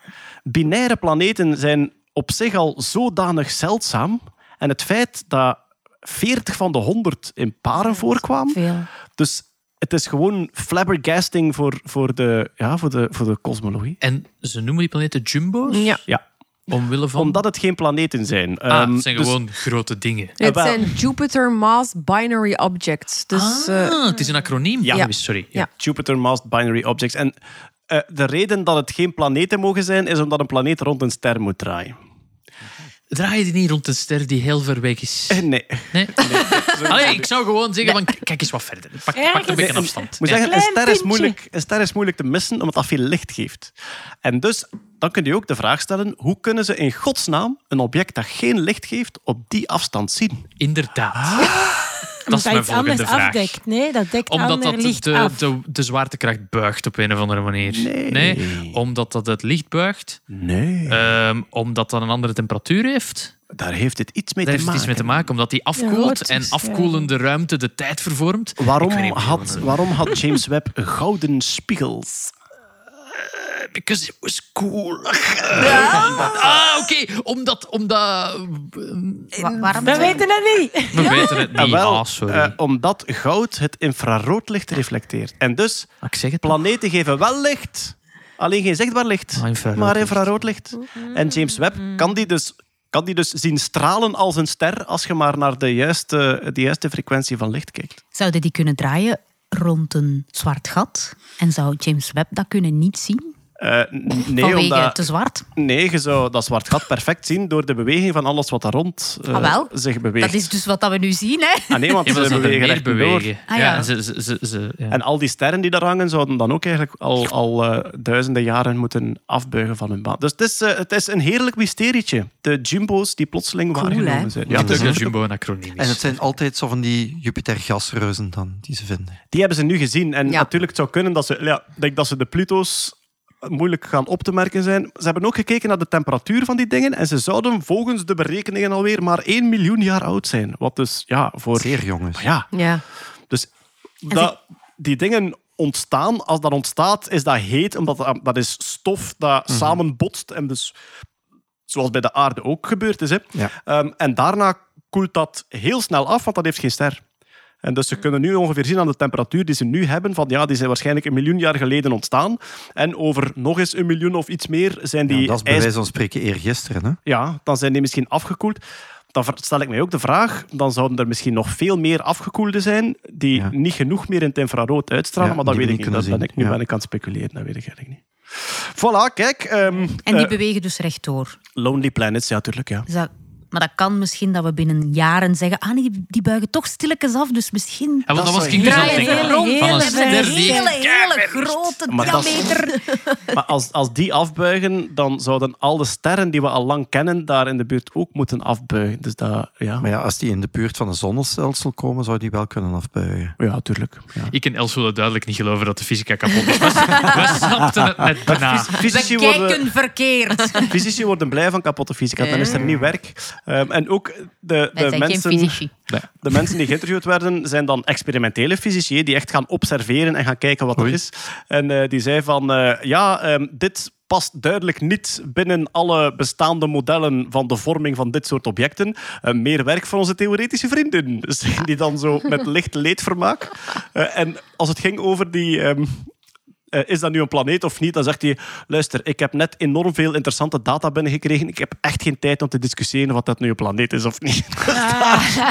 flex, hè. Daar heeft, hij, daar heeft hij zich ook compleet van, eh, van onttrokken. En hij gaf ook nog, eh, hij gaf ook nog een omschrijving. Hij zegt van, kijk, weet je wat? Ehm, ehm, vergelijk het met een chihuahua. Dat is een huisdier van het gewicht van een kat. Is het een kat? Nee. Ah, wel, dit zijn Jupiter-massed binary objects. Dus eh, voilà. De, de chihuahua is een, eh, gewicht, een huisdier met het gewicht van een kat. Dat was zijn omschrijving van, eh, om de discussie stil te leggen, neem ik aan. hè. All right. We gaan toch een beetje in de ruimte blijven en dan de bemande ruimtevaart. Want waar mochten jullie op schoolreis gaan, dames? Ja. Els zit nog te popelen op haar stoel. Jullie zijn op schoolreis geweest in het astronautenopleidingscentrum in Keulen. Ja. De baas daar is een zekere Frank de Winne. Ja, Die de basis van de astronautenopleiding. Eh, jullie waren op bezoek bij een Vlaming die daar werkt, denk ik. Ja, ja, ja. Bij Bram? Voilà. En wat hebben jullie allemaal mogen zien en aanraken? Zoveel. Ja. Laat ons zeggen, we waren eh, s ochtends nog een klein beetje aan het rondhangen in de inkomhal. En wie liep er langs? Hetty ging bijna door de vloer en dan terug door het plafond. Raphaël Liégeois. Ah, onze Belgische Ja, ja, ja, astronaut. Ja, ja, ja, ja. Dat was echt En- toevallig. Dat was heel toevallig, ja. En normaal gezien is het niet de bedoeling dat je die echt aanspreekt of zo. Maar wij wisten dat niet. dus wij zo... Hey, Hey, hoe Raffi, jij op de foto? Hey, Raffi, Raf, Raf. Een hele toffe, een toffe mens. Ja, Ik was vind- heel sympathiek. Ja, echt, eh, dat gaat een goede... eh eh, Het is helemaal... Oh, schoon manneke dat dat is. Ja, ja, Hola. van Maar dicht. enfin. Ja, ja, ik vond... eh, Amai. Jullie zullen dat toch een beetje gedragen als Nerdland. Af, af- want want Bart, Bart was ook mee. Hè. Heeft hij dan een beetje de balans... eh, Die was een beetje ongemakkelijk in de achtergrond. Zo. ja, klinkt als Bart van Peer. Ja. Nee, maar we zijn daar in het algemeen super goed Maar echt ontvangen. super. Bram Maar- heeft ons heel veel rondgeleid, maar dat was ook nog het hoofd van de medische dienst die de astronauten begeleidt. Heeft ook bijna een hele dag ons uitleg gegeven en allerhande simulatoren laten zien. We En... hebben ook in het zwembad, allee, naast het zwembad gestaan. We hebben ons hand in het zwembad gestoken. Ja, waar dat- oefenzwembad. Ja, het en ik werd daar ja. een klein beetje eh hoogteziek van, want dat is zo diep. Als je Ja. hand daarin steekt, dat je denkt, als ik nu naar voren val, dan val ik echt, ik weet niet hoe diep naar beneden. Is Dus 10 ja, meter wat ze daar doen, is eigenlijk gewichtloosheid trainen. Hè? En dan eh, gaan ze echt met hun ruimte pakken, of toch iets dat erop lijkt, daarin. En hebben ze van die maquettes, of ja, ik ben nou Nagebouwde, Nee, nagebouwde en ware schaal. Ja, ISS, hè? nagebouwde stukken van het ISS, Ja. dat ze helemaal laten zakken in dat 12 meter diep zwembad of zo. En dan moeten ze daarin en uitkruipen en langs bewegen. Langs die en- baren en, ja, Ja. en herstellingen doen. Ja. Op een gegeven moment moesten de astronauten in opleiding dus baantjes trekken in dat zwembad. En ik stond echt achter die venster gelijk een koop, een trein daarop te kijken. Ze zijn moeten komen zeggen, eh, dat is niet helemaal de Ja, bedoeling. we, we zijn een beetje weggejaagd van, van Raphaël en Speedo. Oh, la la. Niet geilen op de astronauten, Hetty. Het was niet alleen Raphaël. Er zijn drie vrouwen bij ook. Hè. Ah ja, Nee, lap. nee, nee. Maar dus ook, ja, ja... voel- Klinkt echt alsof dat ze dat hele centrum hebben mogen dweilen. Nee, nee, nee. En je weet zeker, Jeroen, hadden wij aan de raam gestaan dat we handboeien aan hadden. Dat nu, zou zijn. Ja, ja. Maar dus, maar dus- Dat is met die politiek correcte samenleving tegenwoordig. Nee, maar ja... ehm, Maar dat waren dus ook life-size eh, eh, ja, eh, stukken van TSS eigenlijk, waar dat we hebben Ja, ja. ingestaan. Hè. En het ding is, ik heb thuis, we hebben zo'n VR-bril. En wat ik heel leuk vind, is om soms zo in het TSS zo gezegd in Ah, is VR rond te hangen. Hè, want ik vind dat dan cool. Dus ik kom daar binnen en ik heb echt zoiets van, ik ben hier al eens geweest. dat was super raar. Cool. Dat die simulatie zo goed is. Ik heb dat gehad in L.A. Door, door GTA te spelen. Jezus, na, na uw derde prostituee omver te rijden, dit ken ik. Nee, echt zo... Bijvoorbeeld zo dat, die, die pier met dat, met dat pretpark op. Santa Monica op Ja, voilà. Niet alleen die pier is hetzelfde in het spel, maar ook het stuk strand en de bosjes rond het strand die daar staan. Want ik ben, ik ben nu opnieuw aan het spelen en ik ben echt zo langs stukken aan het lopen die, die ik daar gezien heb. En ook de manier dat zo de cool guys over het straat bewegen. En zo, dat, zo als je twee cool dudes met een bandana zoals die staan babbelen met elkaar, die handbewegingen zijn exact gelijk in dat computerspel. Ik dacht echt van, allee jong. Een mod nu. geweest die dat GTA in Gent plaatste. Hè, door, door Ja, mensen die in de buurt... Ja. Zo, terug naar de ESA. Want ik, Ja, wil- ja, ik- ja. hoe graag ik ook over videogames babbel. Wat, dat eh, ook, wat ik ook super cool vond, was om meer te snappen hoe dat ze die mensen opleiden. Dus stel je van die één rek per soort testen. Stel je biochemische testen, dan hebben ze een rek met alle biochemische testen, een andere rek met alle medische testen enzovoort. En dan zijn er speciale trainers die gewoon geïnteresseerd zijn in dat rek. En dan moeten alle astronauten, die van ESA, maar ook van NASA en zo, die komen dan één voor één bij die persoon en die moet alle testjes uitleggen en oefenen. En, tra- en dan datzelfde rek gaat dan exact in zo'n slot in het Space Center. Ja, ja, En ja, dat, heel dat proces vond ik super interessant. Maar dat hebben wij, dat hebben wij bij eh, Space Applications ook gezien, als we daar op bezoek waren. hè. Dus de, de toeleverancier van ruimtevaart In Zaventem, ehm, in Zaventem hier. Ehm, daar, eh, ik denk sommige van hun mensen waren ook astronauttrainers. Klopt. Ja. En die zeggen dan van ja, eigenlijk moeten wij een maand werken om alles goed te snappen, om daar dan de meest efficiënte uitleg uit Ja, te puren, inderdaad. dat een astronaut dat, dat in een half uur, ja, dat, dat, dat in een half uur kan overbrengen op de Ja, astronaut. zij waren echt zo de experts, experts. En ze moesten dan zo redelijk kort kunnen inderdaad le- aanleren aan die anderen. Hè. Er is En- veel druk op die astronauten. Ja, dat is enorm. dat is wel Dat is zo. echt Ja, die enorm. Die, en Geen daar- vrije minuut. Nee, Ja. die timeschedules, daar zijn ze heel strikt op. Dat is echt van... ook- Ja, nee, nee, Die nee. timeschedules zijn heel strikt. Gewoon in de lobby met meneer de Ja, astronaut. nee, nee, ja, ja, ja, en ik ging nog verder. We Dat was zeggen, erger, ja. heb je misschien nog even tijd straks om bij ons te komen? En dan had ik zoiets van, eh, ja, ik heb ergens een half uur, waarschijnlijk om te eten, Ja. dat je nog naast ons is komen staan. Zeg, Raffi Rafraf, anders gaan we nog eens gaan zwemmen. Wat denkt u? Wat dat ook super cool was, is dat wij in die controlekamer Ja. mochten, waar dat ze dus mee in contact staan met Space Center, Ja, ja. en maar ook met alle andere base, eh, ground stations, met Houston Ja. en met, wat was het, in Zwitserland of Duitsland nog ergens In iets? Frank- München, denk ik. Hè? Controlekamer. Ja, ja, ja. ja, Niet ja, de ja. oefencontrolekamer. Nee, de echte. En op En het die- moment ja. dat wij daar waren, werd het commando van het ISS overgegeven aan een ESA-astronaut. Dus dat, allee, dat, dat, was, dat is En je had daar ook ongelooflijk. zo per, die hadden daar zo schermpjes met per astronaut die nu dan in het ISS zit, hadden Ja. daar zo'n dagplanning van die moet van dan tot dan mag die eten en dan moet hij die testen doen en dan moet je sporten en dan moet je slapen en dat was echt zo op het Dan moet hij een call doen met de psycholoog. Dan ja, voilà, dan ja, moet je ja, met een dokter bellen. En gaat dat zo voor al die crews, ja, crewmembers daar staan. Kijk, jullie hebben een leuke dag gehad, Ja. maar ik, ik mocht die dag voor het Belgisch parlement een lezing geven Ja, over metaverses. Jij kon niet mee, hè? Ik kon niet mee. Oh. Via videoverbinding. Ja, één- ik heb één, één fout gemaakt. Dat is, ik dacht van, kan het hier gewoon in het Engels doen, dan kan iedereen volgen. Big, big no-no in het Belgisch parlement. Geen Eh, van de drie talen. Nee. Eh, Ja, nee. ja. Maar, maar jullie hebben veel foto's gestuurd. Mogen we die, mogen we die ook online zetten? Of moeten er een Zeker, beetje... ja, ja, ja. Maar je mocht daar toch niet van alles foto's trekken? Van Jawel, We hebben jawel, altijd ja. gevraagd ja, ja, wel, Dus, ja. eh, alles waar we foto's hebben van getrokken, mochten we. Behalve misschien van Rafael. Maar, ja. Nee, Die foto's gaan we er niet op zetten, want eh, dat, is be- dat is bewijsstuk B over een ja. paar jaar. Wat Hij ook die blikben uit haar vel op die foto. Ja, ja, ja. Dat is wel heel cool. Zijn er mensen dat we moeten bedanken voor, voor, ja, voordat we daar... absoluut. eh, Eh, Bram, Bram Verbruggen is daar... de weerman? eh, nee, nee, nee, nee, inderdaad niet de weerman. eh, werkt daar en heeft ons eigenlijk binnengeloodst en heeft een, een ongelooflijke planning in elkaar gestoken. Blijkbaar de man die ons de uitleg van het zwembad gegeven heeft, doet dat bijna nooit. Dus we hebben daar echt een soort VIP-luxe arrangement qua uitleg zo- gekregen. met zo'n mega topduiker die dan zo... Alex zal dan een keer uitleggen hoe dat al hier marcheert. Ongelooflijk. Dat zwembad heeft de vorm van een space shuttle. Allee. Ja, want eh, de bedoeling ooit was de, de landingsbaan van de luchthaven van Keulen komt daar eigenlijk recht op uit. Ja. En de bedoeling was om dat ooit te gebruiken als hè, die Space Shuttle ging daar binnengereden worden, ging daar ook in dat, in dat bad gestoken worden om trainingen te doen. Ze gingen den echt onder water steken. ja hè, ik denk het wel. Hè. Maar ja, ze hebben Ehm, alles wat dat daar staat is ook echt, hè?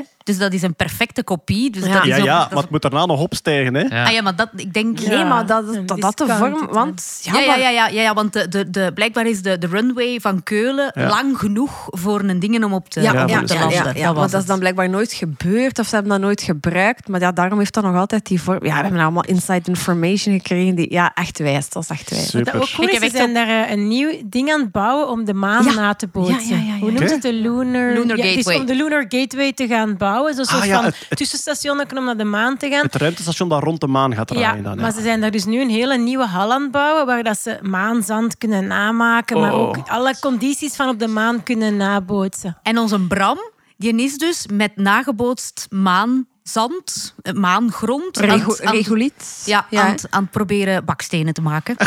om op de maan te bouwen. Ah, en die ja, dat zo in, in van dat ma maan eh, eh, reguliet eh, bak, bak, eh, baksteenvorm heeft hij dan zo'n nerdland-ennetjes voor ons gemaakt. 3D-print. We Ja, hebben, het- we hebben het daar een paar maand geleden over gehad. Ze proberen dan met alles te mixen, dat maanzand, om toch maar bakstenen te krijgen. Het is al bloed geweest, het is al pis geweest. Eigenlijk de, de goorste dingen eerst, om toch maar een soort van baksteen eruit te krijgen. En ik weet niet wat dan nu het laatste was. Snot waarschijnlijk. Ik weet het niet. Maar, maar het is, het is een ding. soort, compo- ja, een soort eh, plastic, maar dan zo Ja, weinig met- met mogelijk PLA, en zoveel ja. mogelijk zand. En Ja. Frank de Winne had ons heel graag gezien, maar hij moest die dag blijkbaar naar München zeker. Of het was naar ergens anders, dus die hebben we net gemist.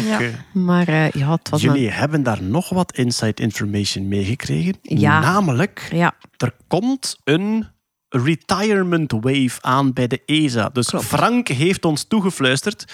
Er komen enorm veel plekken, denk 500. Er komen 500 plekken vrij binnen de ESA. En dat is van alles. Hè. Dat gaat van technieker tot trainer, tot psycholoog, tot van alles. Ja. Ehm, en dus... Dit is het moment, hè. More Belgians in Space. Eh, iedereen die de komende jaren af en toe een keer surft naar jobs.esa.in.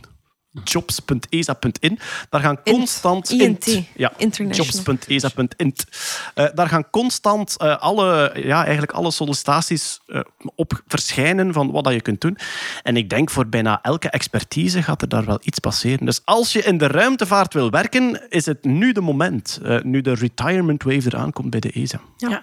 En Bram zelf die deed daar ook een soort van. Ja, ik- een stage is misschien eh, niet het juiste woord, maar hij zit daar nu eigenlijk op, op uitnodiging van Belspo om daarna zijn studies eigenlijk tijdelijk te werken en dan te zien of dat je kan blijven of, of wil blijven of niet. En blijkbaar zijn er ook elk jaar calls voor. En dat is gewoon voor pas afgestudeerden. Ah ja. Dus dat is zeker ook iets om in de gaten te houden. ja.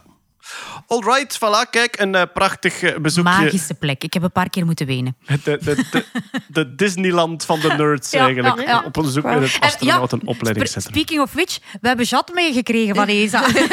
Een gat van de Nee. ESA. Allee, gekregen. Me- meegekregen. gekocht. Of, ah. Ik ben al blij dat je ervoor betaald hebt. Want Ja, ja, ja. eh, Er is, een online, er is een online webshop van de ESA en ik moet mij tegenhouden van daar af en toe naartoe te gaan. Ik heb nu een bedovertrek met ISS op en zo. En dus eh, mijn vrouw ligt dus samen met mij onder de Russische module romantisch te wezen. Ja. Wie dat dus de helft van die ISS is, hebben we ook geleerd. Ah ja, voilà. zeg, er zijn vlekken op de Soyuz. Alright, wat hebben we nog gehad? Ah ja, de Nobelprijzen zijn uitgereikt. Dat zijn die prijzen die dat ze elk jaar uitreiken na de Ig Nobelprijzen. Ja, inderdaad. Ja, Voor onderzoek dat je niet aan het lachen brengt, maar wel aan het denken zet en dat misschien ook een beetje de wereld veranderd heeft. eh, dat ook, ja. We gaan er eens eh, kort over gaan. We hebben eh, die voor de natuurkunde. Die was voor Pierre Agostini, Ferenc Kraus en Anne Louis, zal dat zijn? Ik had beter opgezocht hoe je dat uitspreekt op forvo.com. Zoek zelf op op forvo.com of ik het goed uitspreek en stuur dan een kwaaie mail.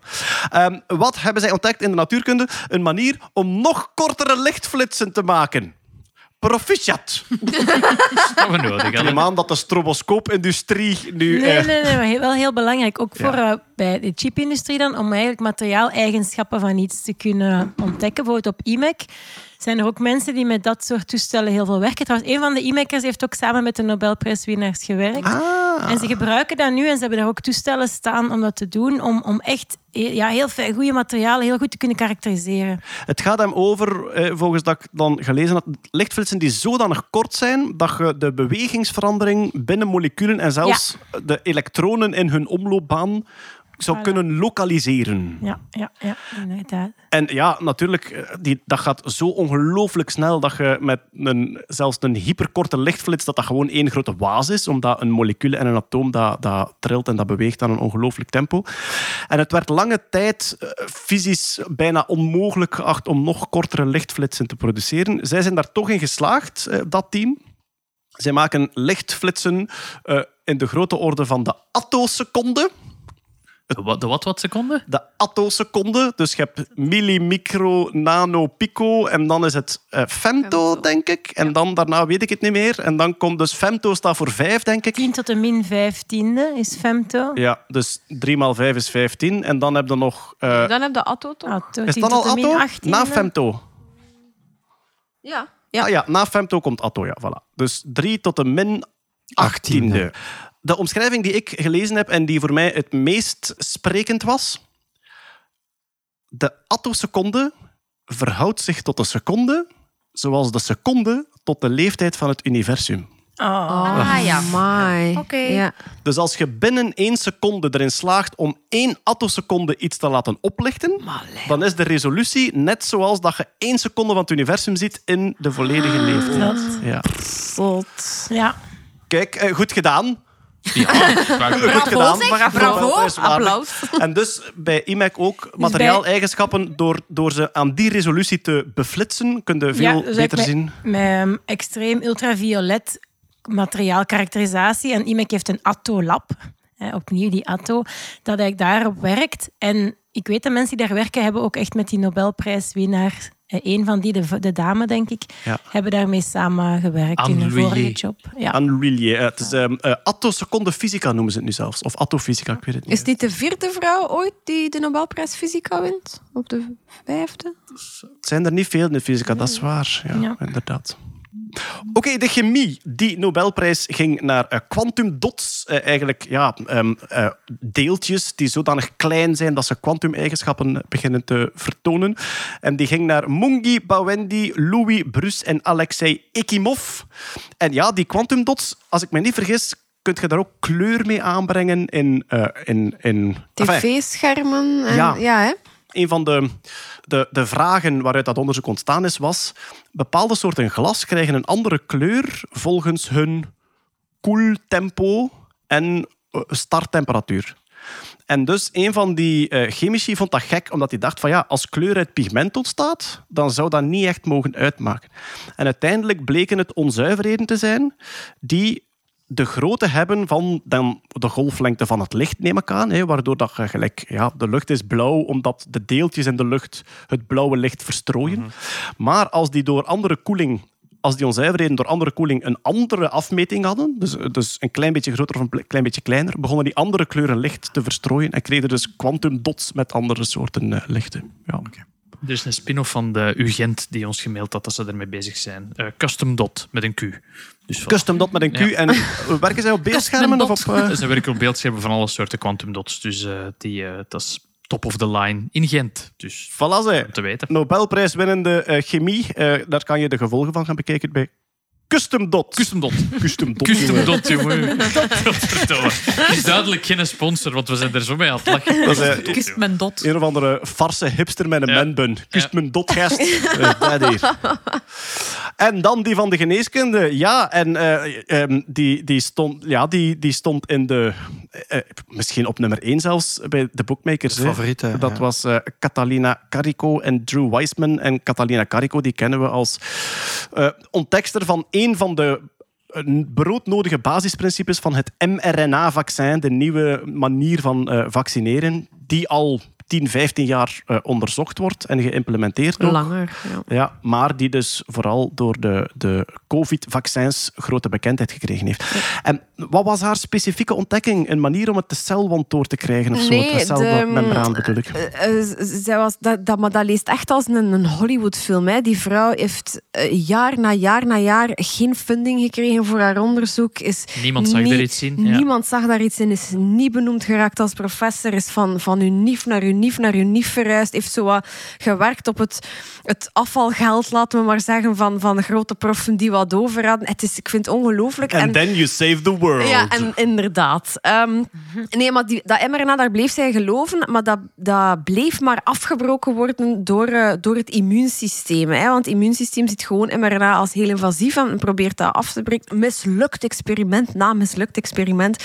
Totdat zij besefte van een een kleine modificatie, namelijk eh, de uridine vervangen door pseudo-uridine. Dus die, die U, hè, DNA is opgebouwd uit A, C, T en G. De bazenparen, de letters van De, DNA. voilà, ja. de letters van RNA, daar is de T vervangen door U. Dus een Ah, ja. klein beetje een andere opbouw. Maar die, en die U heeft zij dan nog een klein beetje gemodificeerd, waardoor dat die plots niet meer herkend werd door het eh, immuunsysteem, maar waardoor dat die dus intact bleef, niet afgebroken werd en de eiwitten kon aanmaken die dan... ehm, Een goede vermomming eigenlijk Ja, voor. Ja. inderdaad. Maar dus met die veranderde letter worden wel nog de eiwitten aangemaakt. Ah, ja, ja. Dus het recept wordt wel nog gelezen en uitgevoerd Maar door de cel. zonder die eh, aangepaste U werd dat gewoon in stukken geknipt voordat dat een, een eiwit kon maken. Want Ah, de bedoeling is, je spuit mRNA in als vaccin. Het maakt een eiwit, wat dat dan vaak een deel van bijvoorbeeld het spike-eiwit is van, Van het van het virus. coronavirus. En daar worden dan antistoffen tegen opgewekt die ons moeten beschermen als we ooit echt zouden besmet raken. Maar als je gewoon mRNA in, inspuit, wordt dat binnen de kortste keren afgebroken voordat dat een eiwit kan aanmaken. En door die modificatie die zij daarin heeft gestoken, gebeurt dat dus niet en krijgt dat wel de tijd om vertaald te worden naar een eiwit. Snapte? Yes. Ja. Ja, Dus ja, ja, dat hebben is duidelijk. allemaal een beetje Nobelprijs winnende technologie.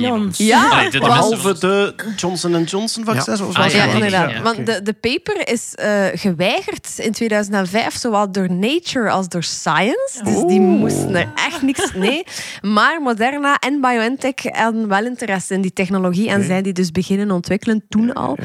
Ehm, maar ook, ook straf, omdat allee, heel veel van de antivax-kritiek is van ja, maar dat kan, niet, dat kan niet veilig zijn, want dat is op een jaar tijd ontwikkeld. Ja, nee, die vrouw is daar al decennia mee bezig. En Drew Weissman heeft hem... Het, het is een gedeelde Nobelprijs, hè, voor alle duidelijkheid. Het is niet alleen die vrouw. Maar haar verhaal leest als een, eh, Ja, als een. Hollywood-film. Dus eh, ja.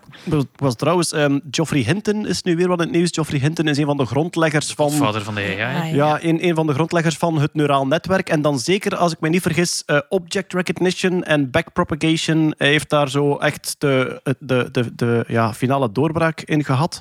Ehm, eh, die is nu vaak in het nieuws omdat hij zich zorgen maakt over de snelheid van ontwikkeling. En zijn we hier wel klaar voor? Is het wel allemaal veilig? Maar die zijn verhaal is een beetje gelijkaardig. Ik wist dat niet, maar ik heb nu een lang interview met hem, met hem gehoord. Ehm, die komt uit de neurologie. En eigenlijk zijn eerste neurale netwerken waren voor hem onderzoek. Hij wou eigenlijk een soort kleine simulatie van neuronennetwerken bouwen om neuronen beter te snappen. Eh, dus digi- digital twins, hele... Simuleren van het brein. Ja. En eigenlijk wou je dingen bijleren over het brein. En, Per, per ongeluk een nieuwe wetenschapstak ontwikkeld. Ja. Oh my. en hij zegt net hetzelfde. Al zijn collega's raden hem dat af. En die zeiden van, ons brein is veel te complex en die simulatie is te simpel daarvoor en dat slaat op niks. En letterlijk is hem verteld, je gaat je carrière vergooien, eh, geen funding gevonden. Zoals veel AI-wetenschappers in die AI-winters echt zo in de kelder van de faculteit gekropen om daar zo heel eenzaam op een uitgedroogde tapijplein zo uw nerdonderzoek te zitten doen. En dan op een bepaald, denk ik in 2015, de magic sauce gevonden en dat neuraal netwerk marcheert en opeens zijn de godfather of AI. Dankzij die paper ook, hè. Attention is all you need, dat ze heel veel van die berekeningen konden paralleli- paralleliseren. Leest er heel veel computerkracht tegenaan smijten. Ze zeggen in onderzoek altijd, er zijn drie stappen. Eerst is van, this is absolute bullshit. Stap twee is, this is interesting but quite useless. en dan stap drie is, I always said so. ja, ja. Alright, oké. Dan denk ik dat het zo Er- er, langzaam er zijn nog twee andere Nobelprijzen. Oké, doe maar de literatuur en de vrede, Jeroen. Eh. Ik kan hem Jij niet. zit Ah. niet aan de mailbox. Je wilt niet weten hoeveel volk dat er gaat mailen dat we de Nobelprijs voor de literatuur niet gedaan hebben. Die Literatuur gaat is naar geen John Vos. John Olaf Vos, eh, voor zijn innovatieve toneelstukken en proza die eh, een stem geeft aan het onzegbare. Ja, maar ja, maar ja. Je staat er dan wel schoon met uw mRNA. Hè? maar welke- deze, deze welke- man met een baard heeft, heeft, heeft stem gegeven aan de onzegbare. Ah. Welke sigma-waarde zat hij op zijn uiteindelijke Eh, wel, resultaten? de Nobelprijs voor de Vrede gaat naar Narges Mohammadi en voor haar eh, gevecht tegen, de, op, eh, ja, tegen dus de onderdrukking van vrouwen in Iran. Dat is Ja, toch ook wel dat moeite een- ja, inderdaad. Maar voor de volledigheid vermeld ik alle Nobelprijzen. Omdat Gaan we dan geen mail krijgen over de economieprijs? Dat is geen Nobelprijs. Dat is geen het, maar ja, Nobelprijs. En de ik zeg het er wiskunde- maar bij. Hè. De wiskunde en de economie. Ja, de wiskunde, maar ik weet niet, wordt die, wordt die ook uitgereikt in dezelfde week? Zo De die economie wordt een maandag erop uitgereikt. Ah ja, voilà. staat niet op de website Nee. onder Nobelprijzen. Nee, nee, nee, voilà. Oké, en dan is het nu toch tijd voor... Silica. Silica.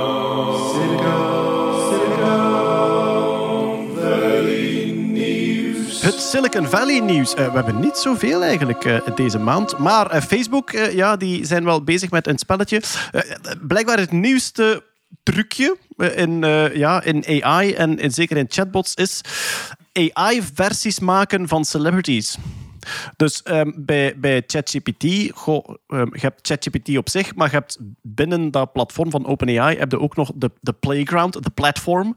En daar kun je oude versies van GPT uploaden. Daar kun je hem ofwel in chatfunctie zetten of in aanvulfunctie.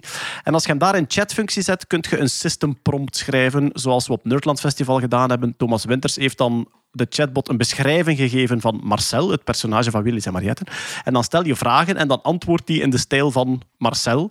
En dat hebben ze nu gedaan met een paar celebrities bij Facebook. Ja, Els? ja, klopt, klopt. Eh, Dus eh, als je naar de Messenger gaat van eh, Meta, dan kan je daar kiezen voor AI en dan kan je verstopt achter andere namen celebrities vinden. Dus ja, je het, hebt bijvoorbeeld het zijn de ja, celebrities die, die ehm, personages spelen, om toch eender wat afstand Dus te ja, houden. Tom Brady is er één van. Dat is zo, eh, ja, hij is zeer bekende American, American football dat speler. is, dat is de beste American footballspeler aller tijden. Oké, ja, ik dat ben is de niet GOAT, mee. dat is Ja. de, de, de eeuwige quarterback, maar die is nu wel gestopt. Tom Brady speelt Brew. Hij is een wisecracking sports debater who pulls no punches. Oké. Ja, maar bijvoorbeeld Kendall Jenner zit er ook tussen. Die en zo, die dan Billy, Ja. de no bullshit ride or die companion. Dit zijn woorden die ik gewoon voorlees. Ik, I don't Maar know. het zijn wel woorden van de marketingdienst Ja, van ja Facebook. absoluut. Ja. En het zijn dus niet de, de celebrities die zichzelf spelen. Ze hebben zich laten inscannen. Hun stemgeluid mag gesynthetiseerd worden. Maar het is streng geregisseerd. Het is niet dat je met een soort van chatbot hebt en dat je ja, die, die personen iets, iets vunzig kunt laten zeggen. Maar ze, ze, ze hebben wel eigen Instagram-profielen. Ze hebben, ze hebben eigen, eh, Oké. eigen eh, leventjes, zo gezegd. Maar dat is uiteraard het eerste wat massaal veel gebruikers beginnen Ah, doen zijn. ja. Wat kunnen we die nu laten zeggen om dan te zeggen van hé, dat mag niet. Eh, wat is de oogstal, eh, Els? Ja, wel, Tom Brady heeft eh, een beetje. ehm, hoe zal ik het zeggen? Eh, Dat is, dat is ook, die is gekend. Dat is een hele clean gast. Die gaat echt niet zo trash talken of Ja, zo. ja. Dat is echt zo een family man. Die, Ideale schoonzoon. Ja, ja, Ja, voilà, voilà. En eh, die AI van Tom Brady heeft dus eh, gezegd van Colin Kaepernick. He ain't good enough and teams don't want the drama. En Kaepernick is de man die Ja. eh, ehm, geknield heeft bij het Amerikaans Ja, volkslied dus- dat was om het dus ook- politiegeweld aan te Ja, klagen. dat was dus ook een quarterback, een hele goeie bij San Francisco. Ehm, en die heeft in 2016 is eigenlijk begonnen met tijdens het volkslied op één knie te gaan zitten als protest. En hij is daarvoor niet buiten gesmeten, maar ook niet verlengd. Hij is Ja. free agent geworden en hij is nooit meer ergens binnengehaald. Terwijl dat, dat wel een hele waardevolle speler was. Ja, ja. Die heel veel hele goede records had gebroken en zo als Ja. in, zijn, in zijn beginjaren. Dus dat is nog altijd ehm, een redelijk groot ja, debat eigenlijk zo in het, in het American football van... Want dus die zou nog altijd kunnen spelen. Vinden Waarom we, heeft hij geen ja, Vinden we dat Ja. hij nog altijd zou moeten ergens een contract krijgen? En dan natuurlijk zijn de mensen die tegen zijn, die dat toen ook verschrikkelijk vonden dat hij dat deed. Ja. Die zeggen, maar nee, die moet nergens niet aan de bak komen. En anderen zeggen, maar dat is eigenlijk een hele goede speler, die verdient dan dat wel. Allee. En dus de AI reageerde met he ain't good enough Ja. teams don't want the drama. Ja. En dat werd dan gebruikt als zie je wat de AI allemaal durft zeggen. Ja, maar het ding is, dat is zo iets wat dat Tom Brady nooit zou zeggen. Die heeft ook nooit iets negatiefs gezegd over die gast. Maar dat is wel zo wat je denkt, dat is misschien wel iets wat dat Tom Brady zou kunnen denken. Dus de AI zegt wat, Tom- de AI zegt wat je denkt. Wie weet, wie weet. Maar het is wel echt een hype, hè? Zo, zo ehm, chatbots maken van celebrities, van personages. Je ziet het eigenlijk constant opduiken. Je kunt het in principe ook zelf doen als je een hele goede system prompt schrijft voor, voor dat GPT-systeem. Als je een betalend account hebt op OpenAI, dan kun je ook op die eh, platform.openai.com kun je ook zelf ja, je system prompt schrijven. Dat is omdat veel celebrities zijn uiteindelijk ook een soort van typekes. Hè. Die Ja. hebben hun eigenschappen, die hebben hun, hun, hun vocabularium dat ze vaak gebruiken. Als je dat maar goed genoeg beschrijft, kun je een soort van rollenspel spelen Ja. waarin je andere partij Snoop Dogg is. Of, ah ja, sorry, maar Snoop Dogg is 50% shizzle en drizzle en whistle. Ja, Die dat zit er is ook in redelijk... trouwens. Ja, Snoop Dogg is een Dungeon Master. Dus dat is een, een, de- een Dungeons and Dragons eh, fanaat die je eh, meeneemt door zijn spel. En kunnen wij in België ook met die personages Dat praten weet ik op niet. Mij, Messenger? mij is het nog niet gelukt. Ah, wel, maar ik heb niet zo blijkbaar hard kunt gezocht. eh, als je in, eh, in de messenger, als je daar op AI klikt, kunt je eh, aanmelden als, als, als tester, van, want het is nog altijd Ah, ja. in beta. Ja. Maar dat schijnt, allee, ik heb het nog niet geprobeerd, eh, maar eh, online zeiden ze wel dat het wel direct werd goedgekeurd en dat je direct er eigenlijk kon aan beginnen. Oké. Maar het zag er wel, allee, de dingen dat ik er, de voorbeelden dat ik erop van gezien, is echt mega mak. Hebben ze al benen?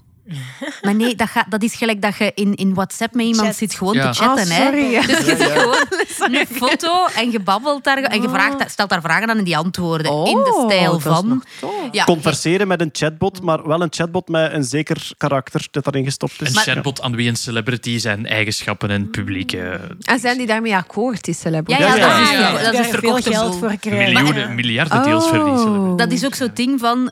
Waarom pakte dan Tom Brady? Want dat is niet echt een, een mega persoonlijkheid. Die is heel erg gekend Ja. voor zijn atletische Ja. dingen, maar niet voor zijn geweldige persoonlijkheid. Want die blijft net super raar altijd op de vlakte. Ja, ja. Chat, chatten met een sporter. Oh ja, dat was een goede match. Eh. Nee, nee, blijkbaar als je daar dus iets aan vraagt van ja, hoe hebben de Jets het gedaan afgelopen weekend, dan begint hij gewoon zo inderdaad alle cijfers op te noemen. Ja, Ja, het was ja. dat, het was dat, het was dat. En ze hebben zoveel interceptions en zoveel dit en zoveel dat. Ja, Ja, ja, ja, oké. is niet echt babbelen, hè. Het is toch echt een speciaal soort van venture capitalist zijn. Als je denkt van, waar willen mensen mee praten? Deze, celebrities en sportmensen. Ja. Eh, ja, een opmerking die ook eh, passeerde langs het wereldwijde interweb was van het zijn blijkbaar toch dezelfde celebrities die ook op de crypto-trein zaten. En dus die die zo crypto-reclame gemaakt Ah, hebben, die nu dachten van waar zitten de gemakkelijke miljoenen dit seizoen? Ja, die zijn daar dan opgesprongen. Hè. Ja. Oké, eh, dan gaan we naar het volgende Silicon Valley nieuws. Ja, OpenAI. Bedrijf uit eh, San Francisco, dus ik reken ze mee in het Silicon Valley nieuws. Eh, OpenAI, bekend van ChatGPT en van DALI Image eh, Generator, die willen hun eigen chips gaan maken. En we hebben hier toch wel een chipsprofessor aan tafel zitten, zeker? chips. Iedereen wil zijn eigen chips. Hè. Eerst Tesla en Google en, en Amazon en nu dus ook OpenAI. Ehm, waarom zouden ze dat doen? Kleine quiz. Oh, efficiëntie. Vooral efficiëntie. Sorry, Maar het niet is dat- niet leuk bij een quiz. Ik bedoel, eh, eh, ja, Erik. eh, omdat ze Nee, de verkeerde nee, we kleur zijn er hebben. nog niet. We zijn er Ah. niet. Efficiëntie, dan denk je aan vermogenverbruik. Ja. Waarschijnlijk, klopt. Ja. Maar er is nog een belangrijke reden. De ban op chips met China. Nee, De- dat de- zit de daar niet geopolitiek, nee. Het is eigenlijk gewoon Envy naar Nvidia ook. Ah ja, oké. Want ja. OpenAI heeft berekend, natuurlijk, ze hebben nog niet zoveel gebruikers voor ChatGPT, of ze willen er nog meer. Ja. Maar ze hebben berekend als ze 10% ja, van alle populariteit van Google Search zouden hebben, dus als 10% van de Google Searches via hun zouden gaan, Ja. dan zouden ze ongeveer 10 miljard of een paar tientallen miljard per jaar GPU's moeten aankopen. Miljard dollar, sorry, per jaar.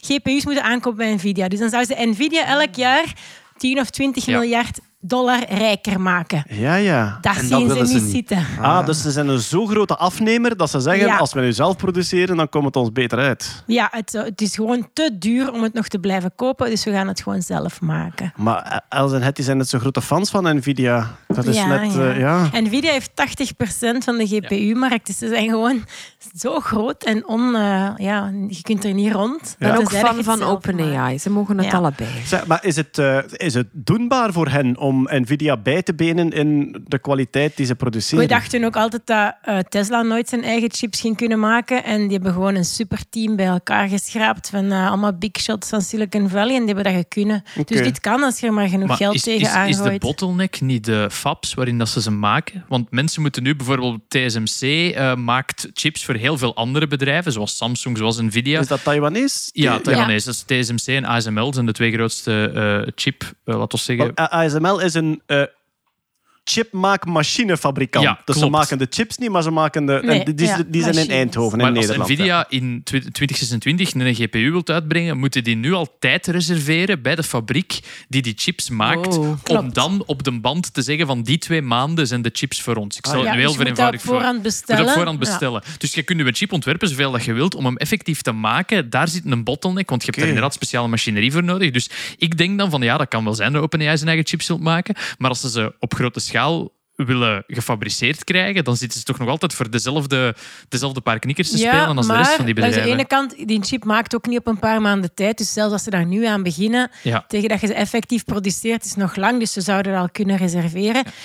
Daarboven, ze zijn nu aan het bekijken, gaan we het zelf doen of doen we gewoon een of andere acquisitie Ja. van een redelijk uit de kluiten gewassen start-up die al daarmee bezig is en die we kunnen binnenkopen en Ja. dan verder gebruiken. Hebben ze u al gebeld?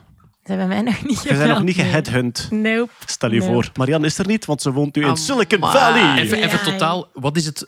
Op hoeveel nanometer zitten we al voor doorgaans voor, voor CPU's nu? Want ik weet dat dat elke, elke zoveel jaar kleiner wordt. Ik denk een De paar jaar geleden was het 12. laatste iPhone-chip is 3 nanometer transistoren. Oh mijn god. Dus de afstand tussen twee lijntjes op de chip eh, van, van transistors is 3 Ja, of nanometer. De dikte van De sommige dikte. Ah ja, lijntjes. oké, eigenlijk. ja. Dus als je kijkt, je haar is 10 micrometer dik. Dus dat kunnen, transistoren kunnen zo duizenden keren naast elkaar op je haartje liggen. Op, op de Oh, breedte van een haar kunnen duizend- een haar. duizenden baantjes transistorkanaaltjes. naast eh, elkaar liggen. Ja, klopt.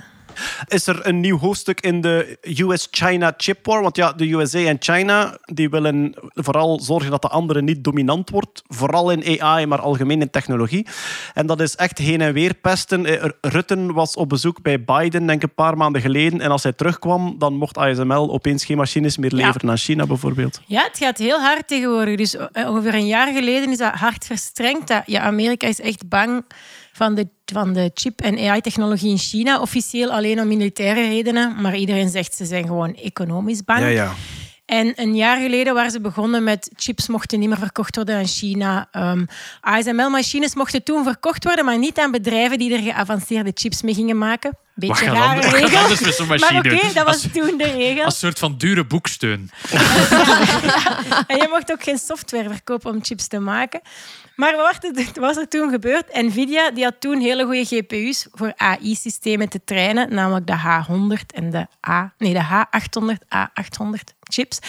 Maar de regel was toen, uw ingangs- en uitgangspoorten van uw chip mogen niet meer dan 600 gigabit per seconde naar buiten sturen. Anders is het een eh, controlled technology. Ja. En die waren te hoog. Dus heeft Nvidia gewoon gezegd: we maken een nieuwe chip met maar een 400 gigabit per seconde I/O. Die zat er dan net onder. En die mogen we dus nog verkopen. Dus ze verkochten die luchtig door. Bijvoorbeeld ByteDance, dat is het bedrijf dat TikTok en Baidu en Alibaba en Tencent van. Dus ze moesten ze opzettelijk wat slechter Ja. maken om ze te mogen verkopen aan China. Ja, en. Nvidia deed dat. Ja, nee, ze moesten ze niet slechter maken. Ze hebben gewoon de loophole in het regeltje van Biden, eh, eerst Trump en dan Biden, gevonden. En ze hebben gewoon hun chips opzet- opzettelijk wat slechter gemaakt dat ze ze nog mochten verkopen. Ja. TikTok, Baidu, Alibaba, Tencent, die hebben daar massaal orders geplaatst voor 5 miljard dollar. En nu zegt de Biden-administratie, we zullen de regeltjes een beetje versnellen, eh, een beetje verstrengen. Dus nu moeten ze nog slechter zijn, de chips. Dus nu hebben ze een nieuwe regel, de Performance Density Threshold. Nu zegt het eigenlijk, je mocht maximaal zoveel berekeningen per seconde per vierkante millimeter silicium kunnen doen. Berekeningen per vierkante millimeter per seconde. Wat een prachtige eenheid. En dan vallen al die nieuwe chips van Nvidia er ook uit. En ja, de helft van Amerika zegt, geweldig, nu kan China het echt niet meer met onze chips. En de andere helft, de Googles, de Nvidia's, de Intels, die zeggen, je bent wel ook onze markt aan het kapotmaken. Ah, ja. Want bijvoorbeeld voor, eh, ik weet niet meer exacte getallen, maar voor Nvidia zit er echt 30, 40 procent van hun markt. Gigantische In China, dat ze niet meer kunnen China. bedienen. Ja. Maar goed, de, Ja. de RTX 4090, de hoogste consumerkaart dat ze hebben, dus echt een kaart die gewoon bedoeld is voor gamers, niet voor industrieel gebruik, die mag al niet meer verkocht worden in China onder die nieuwe regels, omdat Ja. die allee, computatiecomplexiteit per vierkante centimeter al te, ja, te hoog is. Nu, wat doet China? China zegt, mag het niet kopen. Zullen wij het wel zelf maken? En heel de wereld, hahaha, China, onnozelaars, je kunt ons toch niet inhalen. Wel, vorige maand heeft Huawei een nieuwe chip ge- eh, op de markt gebracht, de Mate 60 Pro. Ik ben daar geen, geen grote kenner van, maar oké. Gemaakt met 7 nanometer transistoren, zit heel dicht bij wat de rest van de wereld heeft. In een Chinese fabriek, SMIC, Semiconductor Manufacturing ja, International Corporation in China. Ik dacht even dat jij snik zei, als een soort van, als een Oh, soort van, soort van ze hebben het gekunnen. Nee. Snif. SMIC, S-M-I-C. Right. De Chinese TSMC zou je kunnen zeggen. Maar officieel mogen die van ASML geen toestellen meer kopen.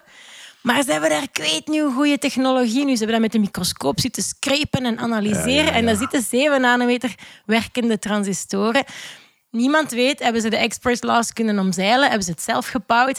Maar ze zitten vlak achter de technologie van de rest van de wereld. Dus het zou kunnen dat eigenlijk die regels van de Amerikanen het, de technologische vooruitgang enorm versneld hebben Ja. in China. Er worden gigantische bedragen gegeven door de Chinese overheid aan hun lokale bedrijven. Bijvoorbeeld Baidu heeft nu een nieuw eh, language model. Het heet Ernie 4.0.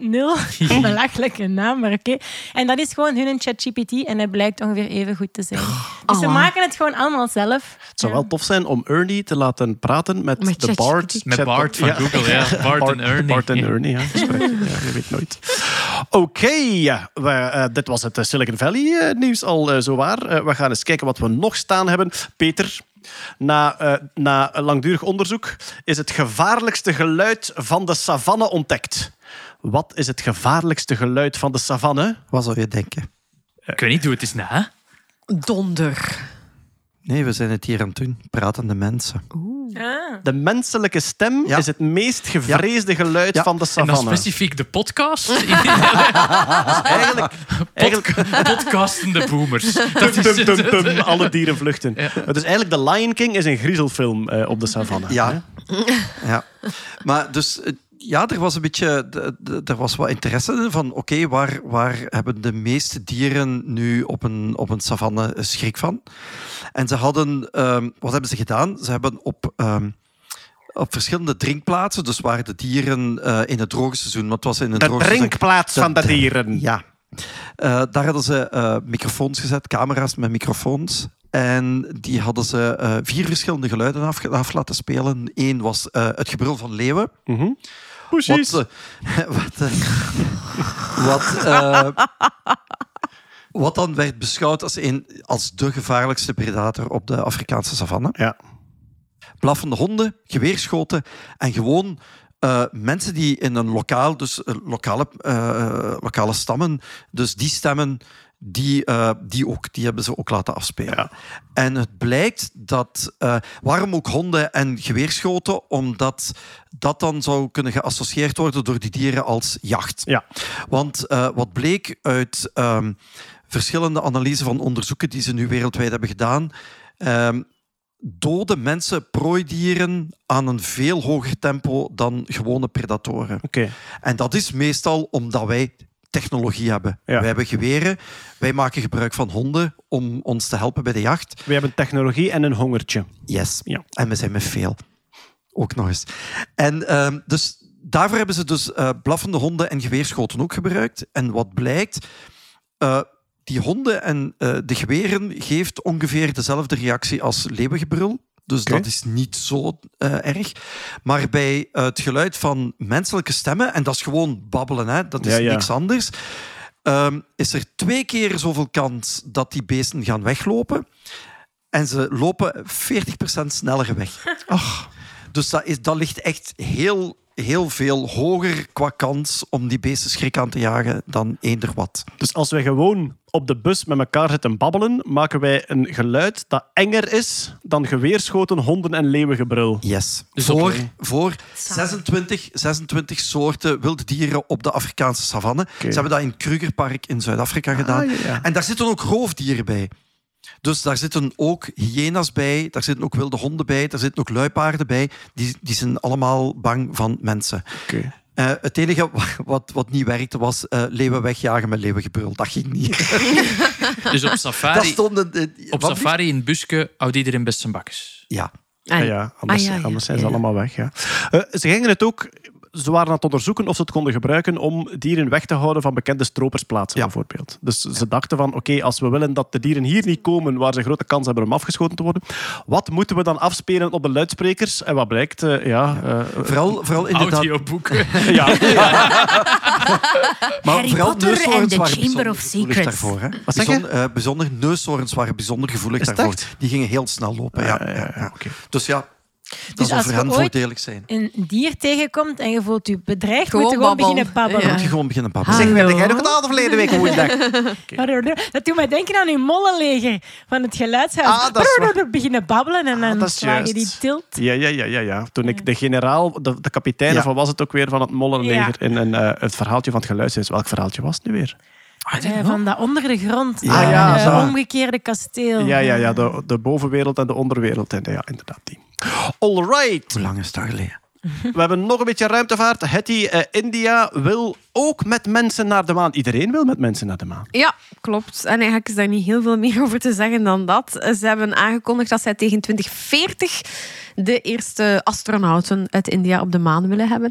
En eh, dat zet hen vooral nu als een, eh, als een enorme ruimtevaartnatie. Hè. Ja. De, vorige maand zijn ze erin geslaagd om eh, succesvol zacht te landen op de maan. En dan vooral heel dicht Onbemand, ja. onbemand ook bij de Zuidpool van de maan, waar dan vermoedens zijn van bevroren water.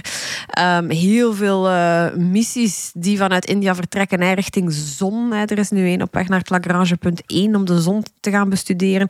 Richting Venus ook. Eh, India is ook het eerste land dat er bij de eerste poging in geslaagd is eh, om eh, op Mars te landen. Ah, ja, dus alle andere landen hebben daar een paar of minstens één mislukte poging voor nodig. Mars is een niet. moeilijke planeet, ook Ja. niet op de land. Ja, Ja. zij niet. Ehm, maar goed, dat is allemaal in het verleden. En dus eh, de kijkende naar de toekomst willen ze dat echt ook bemand gaan doen. En Ja.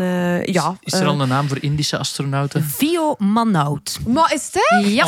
Viomanout. Viomanout. Kijk En, en van, waar komt dat dan?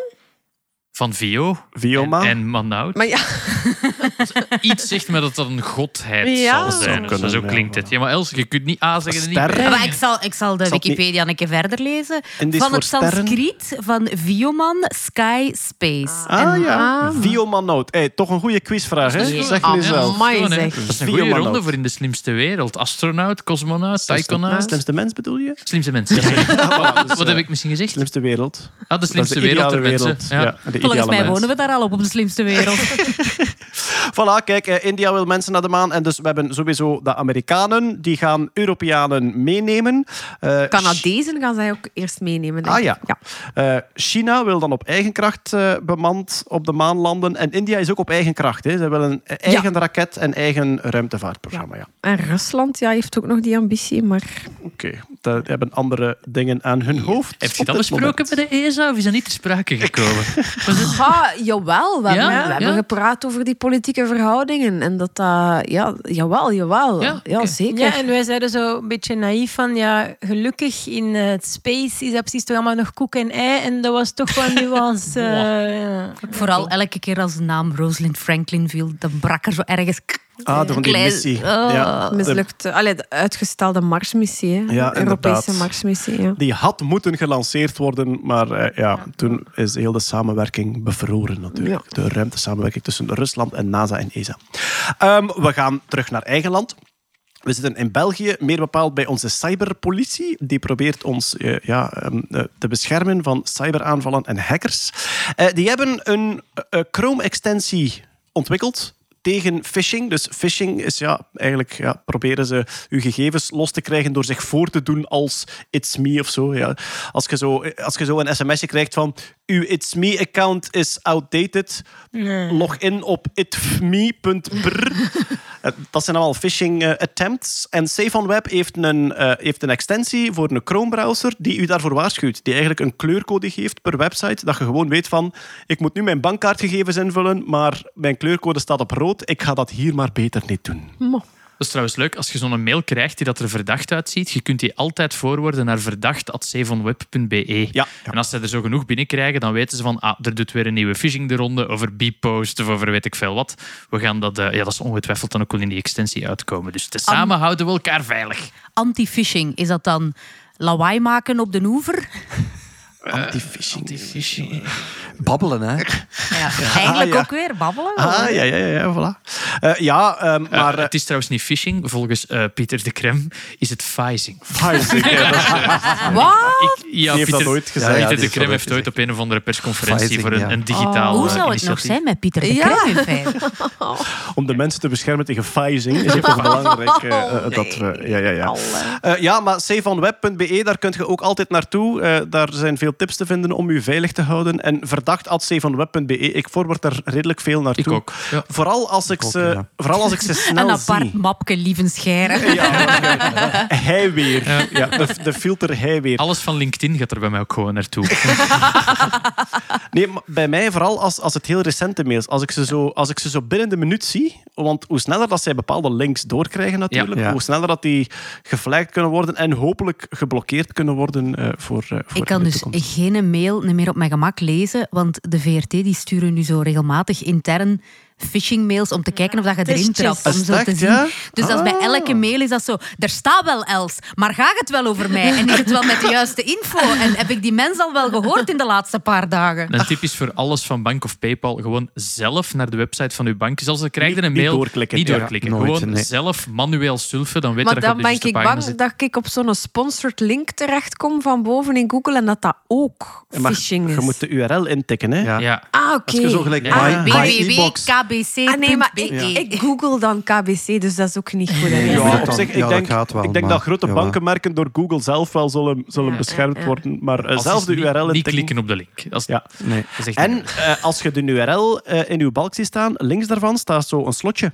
Ja. En als dat slotje open is... eh, nee, niet meer. Dat niet meer zegt ons niet te veel, want je kunt zo'n certificaat... Vroeger was het moeilijk en moest je moeite doen om zo'n certificaat te kopen. Het enige dat dat slotje nu vertelt is de verbinding tussen u en wie dat er ook aan de andere kant van de lijn zit, is beveiligd. Maar je kunt ook gewoon veilig aan het chatten zijn of veilig aan het Ah, interageren zijn met hackers. Ja, dus dat is geen... Ah. Dat is, dat is outdated advies. eh. Een woord dat ik nu ook tegenkwam was quizing.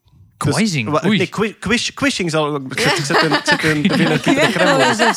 Ja, in plaats van, van phishing, quishing, het is met QR-codes. Dus dat is eh, ofwel een brief of een e-mail of zelfs gewoon op straat, dat er iets staat van een promotieding enzovoort, deze QR-code.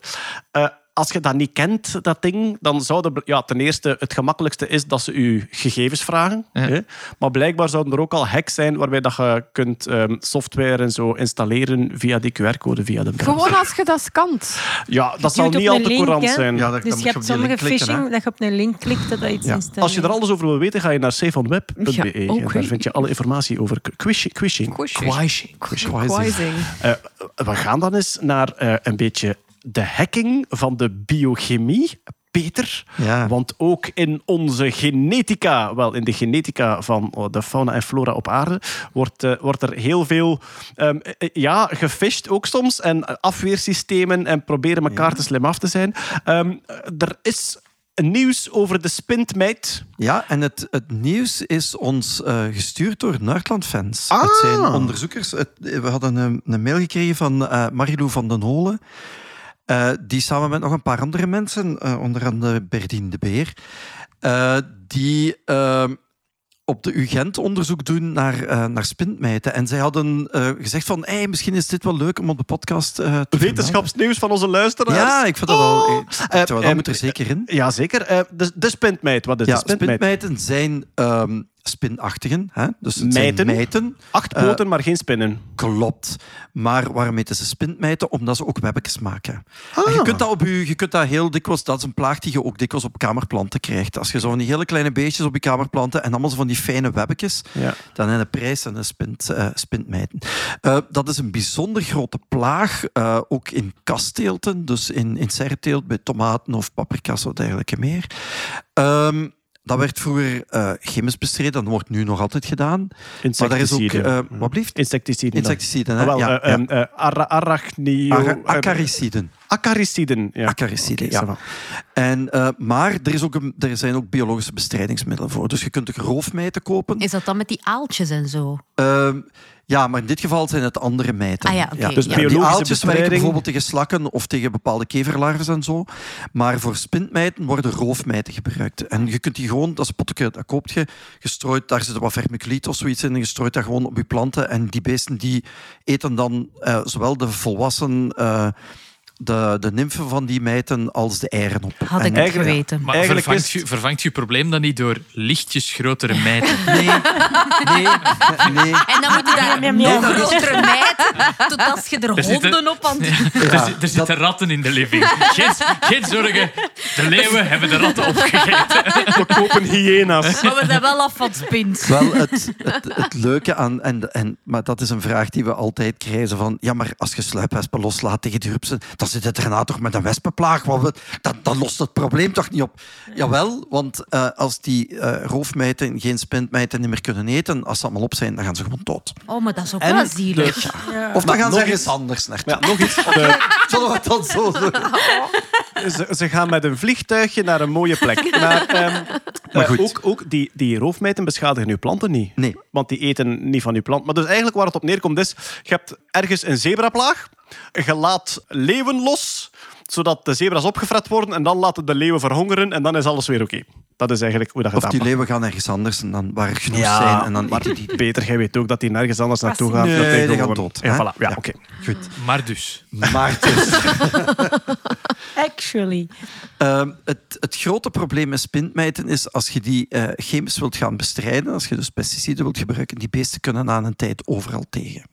Die hebben dus een mechanisme eh, waardoor die al die chemische stoffen heel snel kunnen afbreken, detoxifiëren, hè, dus ontgiften. En is het, door, is het door genetische selectie? Blijven die individuen over die resistent Wel, zijn? daar gaat het onderzoek over. Blijkbaar hebben zij bepaalde genen. En Hetty, ik heb het u daar straks gevraagd, maar hoe zat het nu weer in elkaar? Ja. Het, eh, wacht, ik ga eerst de titel nog een keer voorlezen. Zie maar dat je wakker bent. hè. Nerdland Ja. maandoverzicht.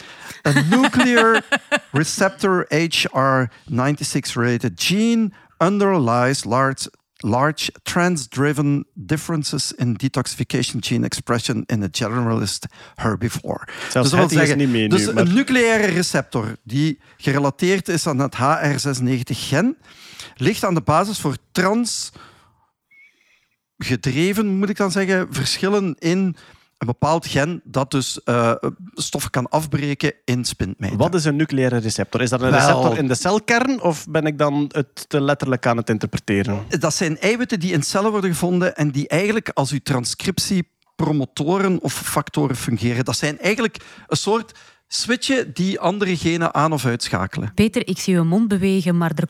Ik, Nee. Je bent me kwijt. Het Je moet- spint, je spint ken ik. Roofmijten ben ik ook uw nog mee. telefoon wel luider zitten. Maar waar het, waar het op neerkomt is dat zij dus eigenlijk door een beetje te schakelen in hun genoom, dat zij heel snel kunnen bepaalde gifstoffen Wel, afstoten. hebben, zij hebben bepaalde genen die eh, verantwoordelijk zijn voor het afbreken, dus om eiwitten te maken om die, eh, die, die giftige stoffen af te breken. Ah, en zij kunnen heel snel daarin schakelen. Nu, we zullen de mails wel krijgen als ik het helemaal verkeerd zeg, hoor. Maar eh, daar zit een heel grote vari- variabiliteit in die genen. En zij kunnen heel snel daartussen switchen. Er kunnen eiwitten aangemaakt worden die de gifstoffen afvoeren. Yes. Dus En- je geeft die de ene dag gifstoffen en de volgende dag zeggen die meer. Ik vind ze lekker nu. Ja, of ik wil iets anders. Right. Ja, Ja, maar dat is heel moeilijk, want resistentie bij insecten tegen pesticiden is een heel groot probleem. Tuurlijk, ja. Hè? En eh, daarvoor er zijn altijd programma's die ervoor moeten zorgen van oké, je mocht nooit...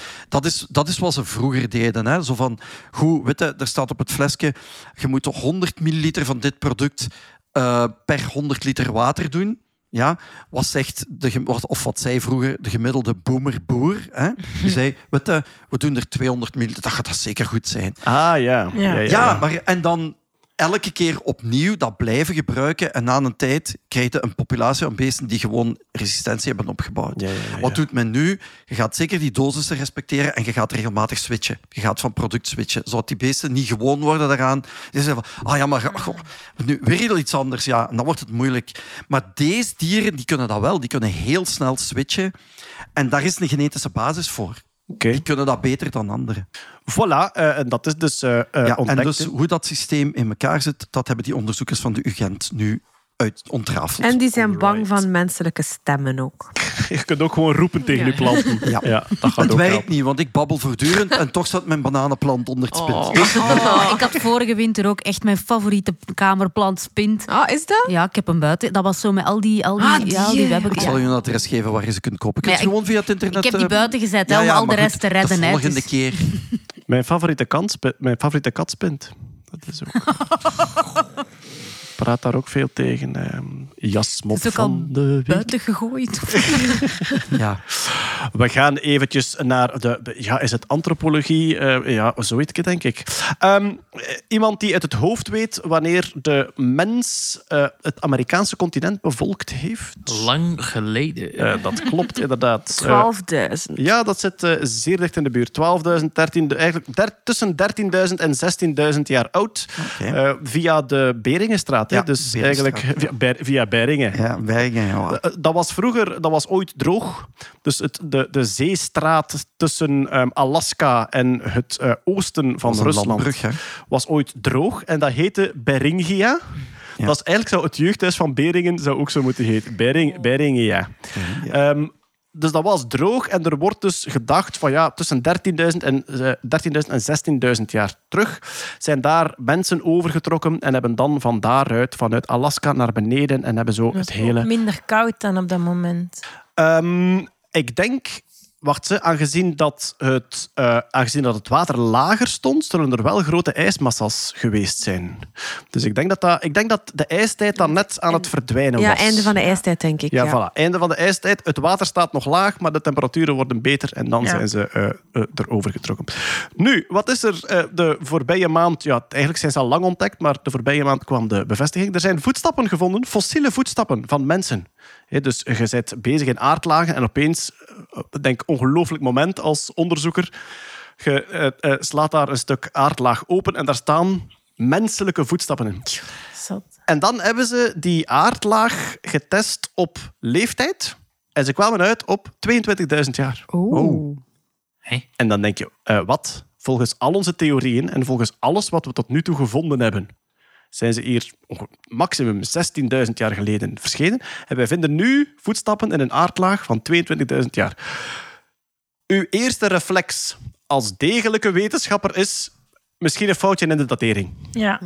Ehm, zij hadden hun datering gedaan met zaden van de Rupia-plant. Dat is een waterplant. En ze hebben daar C14-dateringsmethode op gedaan. hè. Ja, Dus- maar dan kan dat ook in dat water gezeten. Ah, voilà. Hetty heeft een eh, duidelijk onderzoeksverleden. Dus, Of een chemieboek geschreven en dat net. ook, ja. Dus C14, eh, zolang dat een plant leeft, haalt ze haar koolstof uit de lucht, waar een constante verhouding C14 is. Vanaf dat die stopt met eh, groeien en in de, in de grond geraakt, gaat die C14 langzaam vervallen en kun je eigenlijk zien wat is de verhouding C14, C12 en daarop dateren. Maar inderdaad, onmiddellijk zeiden er mensen, het is een waterplant. En daar kan nog oudere koolstof in gezeten hebben en die kunnen ze opgenomen. Wat hebben ze dan gedaan, de onderzoekers?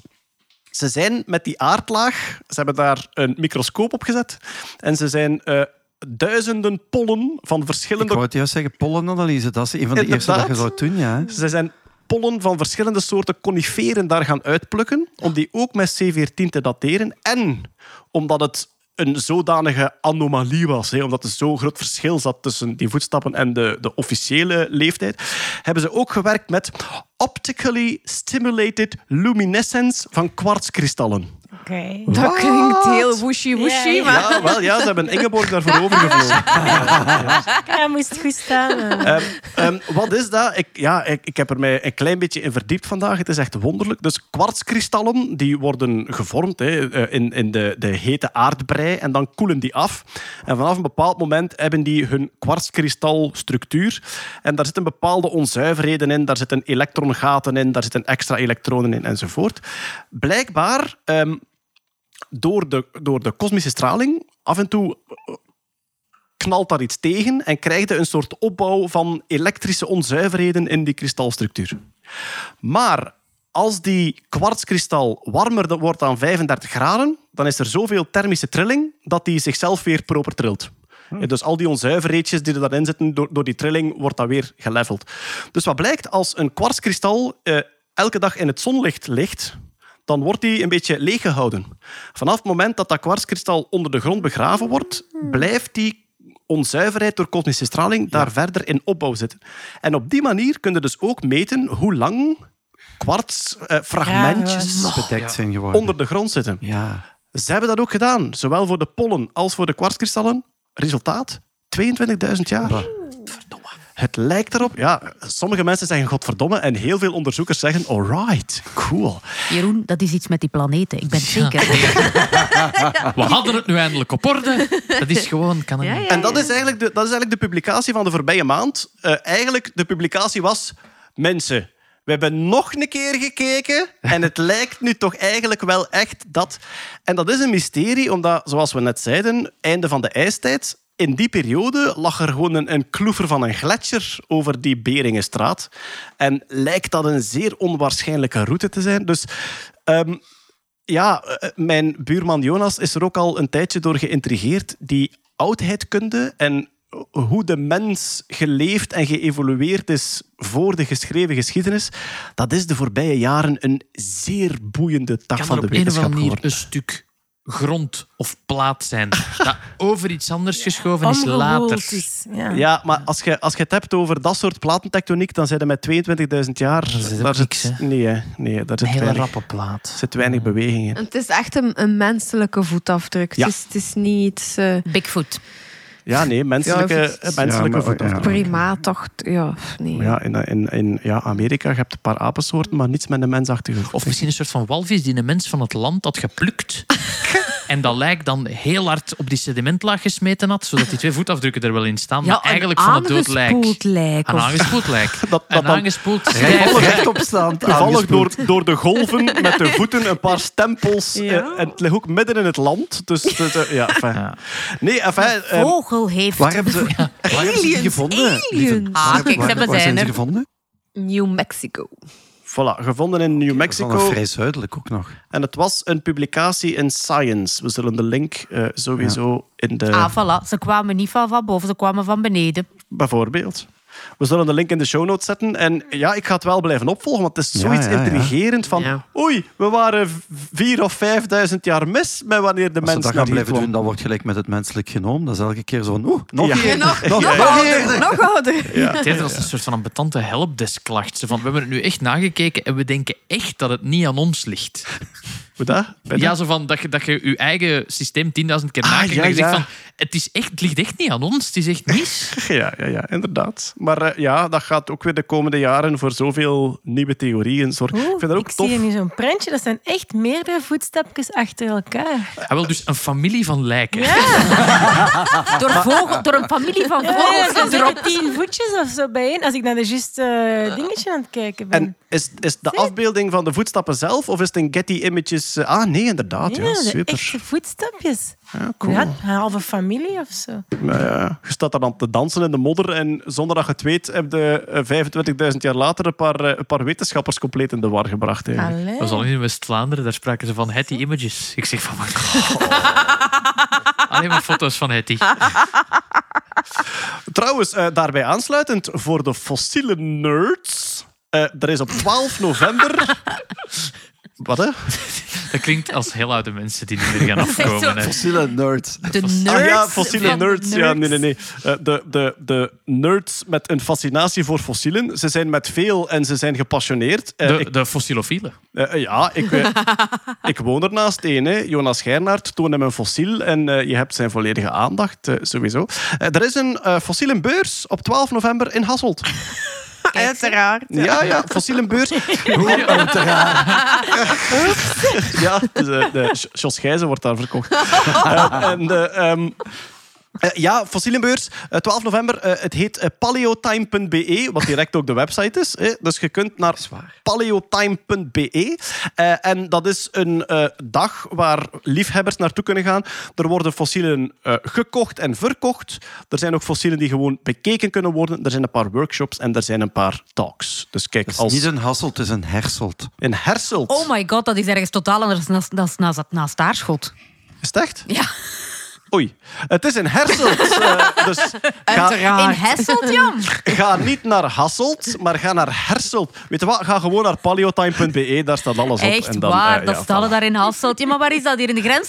toch denk ik dan. Waar is Ja, dat anders? Maar voor fossielen mogen niet ongeduldig zijn. We moeten gewoon... eh, Over enfin, duizend jaar. tegen dat je het nog gevonden eens. hebt. eh, ja. maar waar is dat dan? In Herselt, daar is toch niks? Wat was, de, De, de mix met twee x'en.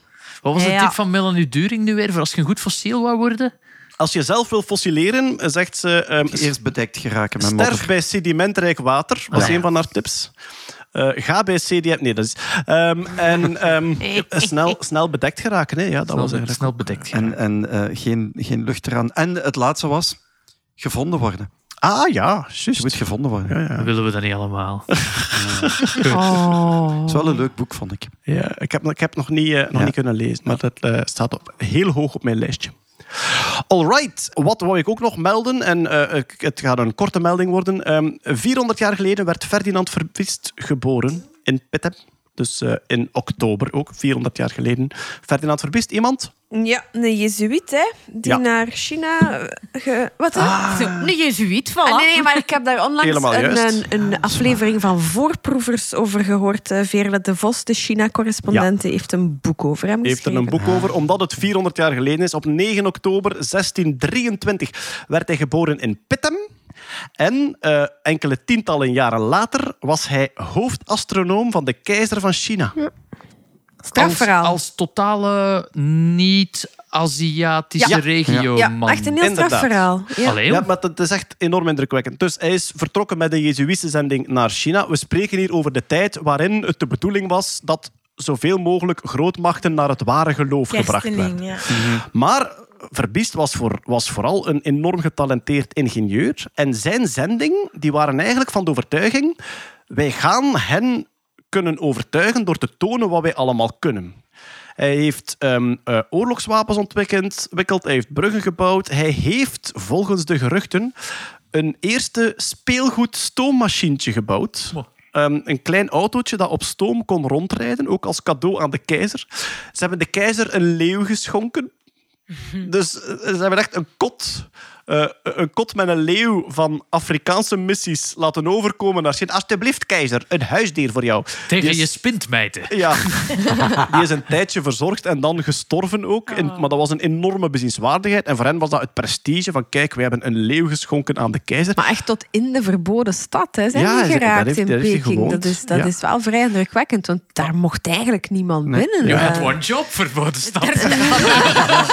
Vandaar ook, verboden. ja, ja, ja. ja. Er zijn, ook, er zijn ook afbeeldingen van Verbiest die volledig zo in die Chinese stijl getekend Ah, ja. zijn. Heeft waar ook een hij- Chinese naam, hè? Ja, dat zou kunnen. Die ken ik nu niet. Ik heb er nog Maar- nooit van gehoord van iemand. Dat is ja, echt- maar dat is zeer, zeer intrigerend verhaal. En dus op die Chinese afbeeldingen, vind ik ook prachtig, staat hij afgebeeld met een Aziatisch gezicht.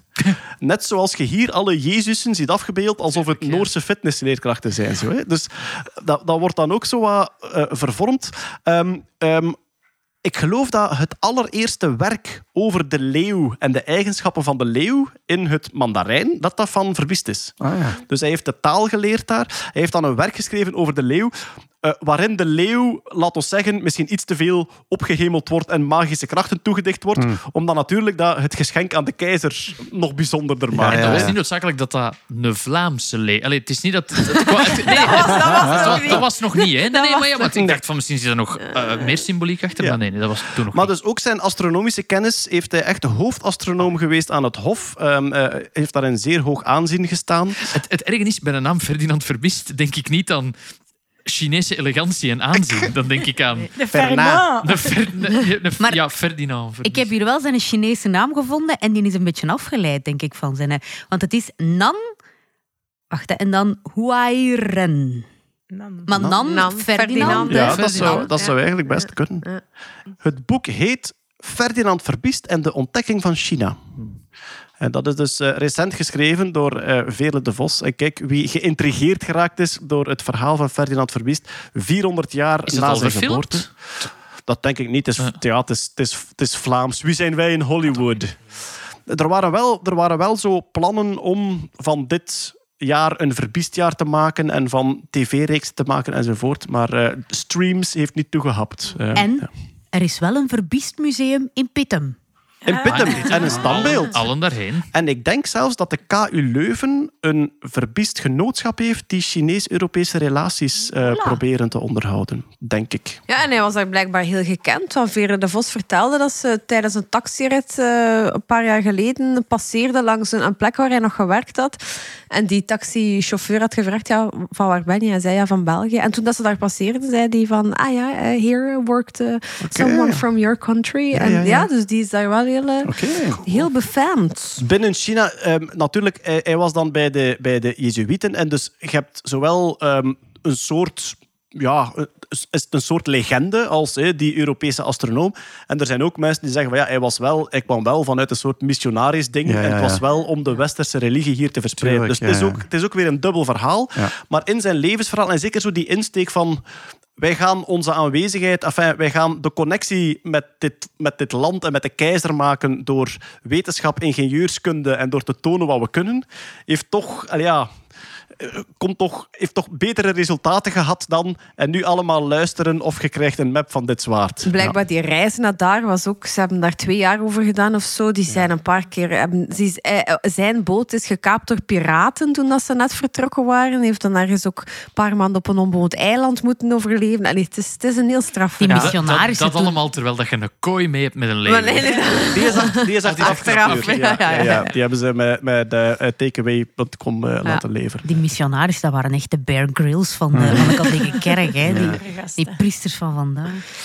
Alright. Marian, wat zagen wij op de chique modeshows de laatste tijd?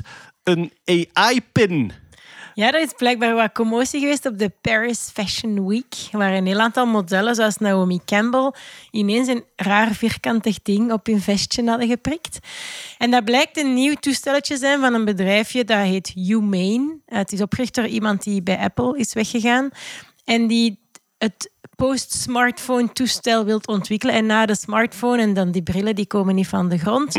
Wat gaan we dan nog gebruiken om met computers te interfacen? En volgens hun is dat zo'n soort van uit de kluiten gewassen pin dat je altijd bij je draagt en waarmee dat je dat kan praten en interageren en vragen aan kan stellen. En Is het zo'n pin die constant krijgen. opneemt ook? Want ik weet een paar jaar geleden is denk ik, het was niet Google, het was niet Facebook, is een van die techgiganten ook met een product gekomen, zo'n soort van een klein vierkantje dat altijd opneemt en waar dat je op het einde van de maand dan kunt vragen van ah ja, toon me nog eens de beelden van die ene keer dat ik Wel, daar was. Waar zij heel hard op inzetten is privacy. Dus ze gaan er prat op. Er zit geen eh, camera en scherm in. En er zit ook geen microfoon in die altijd aanstaat. Dus je moet hem aanzetten om een vraag te stellen en dan kan hij antwoorden. Maar het is zo privacy first. Maar wel een Principe. netwerkverbinding of een uplink. Het is niet dat Ja, alle processing op de verbinding pin. en je, wordt- het heeft geen scherm, maar je kan op je hand iets laten projecteren. Dus het heeft een soort fancy alternatief voor een scherm. En die projectie is, als ik me niet vergis, is dat niet echt zo volle beeldprojectie, maar meer zo, zo tekstachtige dingen. Hè? Ja, het is op dit moment allemaal een beetje vraag wat ze doen als je naar hun website surft, wat dat u.m ja, hu.ma.ne is, humane, maar dan in drie stukjes gekapt. Dan staat er echt niks op. Alleen je kunt je registreren om priority access te krijgen en verder is dat ding leeg, En leeg, wat kost leeg. dat? Dat weten we ook niet. Nee, het is echt... Ik weet niet wat het doet, wat het kost. Dat is die dus typisch zo van die marketing. ja, maar ze zijn er heel veel buzz rond aan het creëren en... en Het ziet er wel schoon in uit. zoverre dat de Ja, techwereld Het ook werkt al bij. Hetty. Het werkt al bij Hetty. Ik heb al zoiets van, never mind. Wel, het is grappig dat je dat zegt, want blijkbaar met de Apple Watch hadden ze ook op de lancering allemaal van die lifestyle, fashion mensen uitgenodigd. En de tech mensen waren zo, "Rrr, ik weet niet, ambetant. Ja. Dat zij niet eerst gevraagd waren. En nu is dat zo wat terug aan het komen. Al die modeweek en die fashion ja. designers, kei enthousiast. En alle tech mensen, Apple. wat is het nu eigenlijk? Wat is het nu Het is van? Apple. dat Je is- ziet het aan de vormgeving. Het is, het is van een van de mensen die weg is gegaan Ja, bij maar Apple. het gaat een stunt zijn. Ja, het kan. Het kan. Maar dat is inderdaad... ehm, eh, dat is, eh, heeft, ehm, heeft Kurt dat niet ooit zo omschrijf, om, omschreven? Dat eh, ehm, eh, een hipster vraagt, eh, hoe ziet het eruit? En Nee, een hipster vraagt, waar kan ik het kopen? En een nerd vraagt, hoe werkt het? Ja, En dus bij deze pin je weet niet hoe het werkt. De, eerste, de, eerste de eerste reflex is: oké, je hebt wat wereldberoemde celebrities met een Isimo zwart bakje laten rondlopen, mijn eerste reflex Ja. is, ik vertrouw het niet. Ja, nee, er zal wel achter zitten. Maar hoe Die verder het is en hoe verder het Die- klaar is... Zo, Oké, voor hoeveel gaan we wedden dat die rondliepen met een mock-up in plaats van met een systeem waar Ik dat ga echt de visa-kaarten Ik thuis ga- verstoppen. Ga je doen? Ik moet toegeven dat ik op de priority accesslijst sta. Ah, kijk, ik ga, ik ga mij ook inschrijven. Maar voilà. dus het idee, het idee zou zijn dat je, zoals dat je met je Google Home praat, hè, je stelt daar Ja. verbaal vragen aan, dat je eigenlijk praat met een pin Dat je die bij bij u hangt, dat die ook dingen kan projecteren op je hand en dat dat, ja... De Digital Wearable Assistant noemen ze het. Iets dat je altijd bij hebt dat je kan helpen als het nodig is. Ja, de Google Home, maar dan op je vest. Het is heel conceptueel, hè, want de technologie bestaat grotendeels Ja. al, misschien nog niet compact genoeg, maar eh, goed, ja. Te zien hoe lang het moet meegaan, maar je krijgt er wel een batterij. Ah, ik weet niet hoeveel op. hè. Marianne, Mission, Story, Team, Media. Ja. Hand in het vuur. Oh, ze hebben een, ze hebben een Paypal. story. Ik wil ook wel de heel. Ze hebben een story die geschreven is door een customer experience designer. Het moet wel echt zijn. mensen raken toch Oh. niet zo ver. Niet oké. Zeg trouwens, eh, Adobe heeft ook zo een AI-dress eh, gelanceerd. Hè? Ah. Dat is zo'n kleed met langs de voorkant zo precies zo allemaal kleine schermpjes. En die kunnen dan van kleuren van, van patronen en zo Maar dat heb wisselen. ik gezien. Dat ze inderdaad een, een kleed hebben dat eigenlijk kan veranderen van, van tekening. Alleen vraag ik me af, wa- wa- waarom heb je daar AI voor nodig? Want Ja, dat is, Ja. wat dat, wat dat, het enige wat ik er echt cool aan vond, is als je zo beweegt, dat je patroon mee kan bewegen. Bijvoorbeeld, er, Ah, was, zo, ja. er was zo een onderste laag in een andere kleur en die zwiepte gelijk een zee als je je van links naar rechts bewoog. Maar kledij waarmee je kan zwiepen, Nee, daar heb ik een zwak voor. Hè? Dat, eh, ja, ja, als kledij zwiept, dat is toch altijd een beetje een plus. Maar aan de andere kant, als, je kunt misselijk worden van iemand anders een rok. Hè. Ik was wel aan het denken, als je zo kleed aan hebt, wat moet dat wegen? Ja, wel ja. Nu was en, het alleen de voorkant. maar- Allee, dat is, en dat hoe warm wordt dat? de maliënkolder is aan het terugkomen, hè, jongens. Maar dan in schermvorm. En hoe draait Doom daarop? Stel je voor dat je zo ergens op een feestje staat, er staat een nerd neffen u en even later is Doom op je kleed. Hallo, ik ben Doom aan het spelen op je boezem. Oké, ehm, ik denk dat we het eh, belangrijkste wetenschapsnieuwsje eh, bewaard hebben eh, als laatste item tot nu. Ehm, de, fysica was al eens kapot met de Lonely Planets die aan het rondvliegen waren. Maar Jeroen, dit is echt vers van de pers. Vers van de pers. Want Ja. dit heb je vandaag opgepikt. Wat blijkt? Spermacellen negeren de derde wet van Newton. Tum, tum, tum.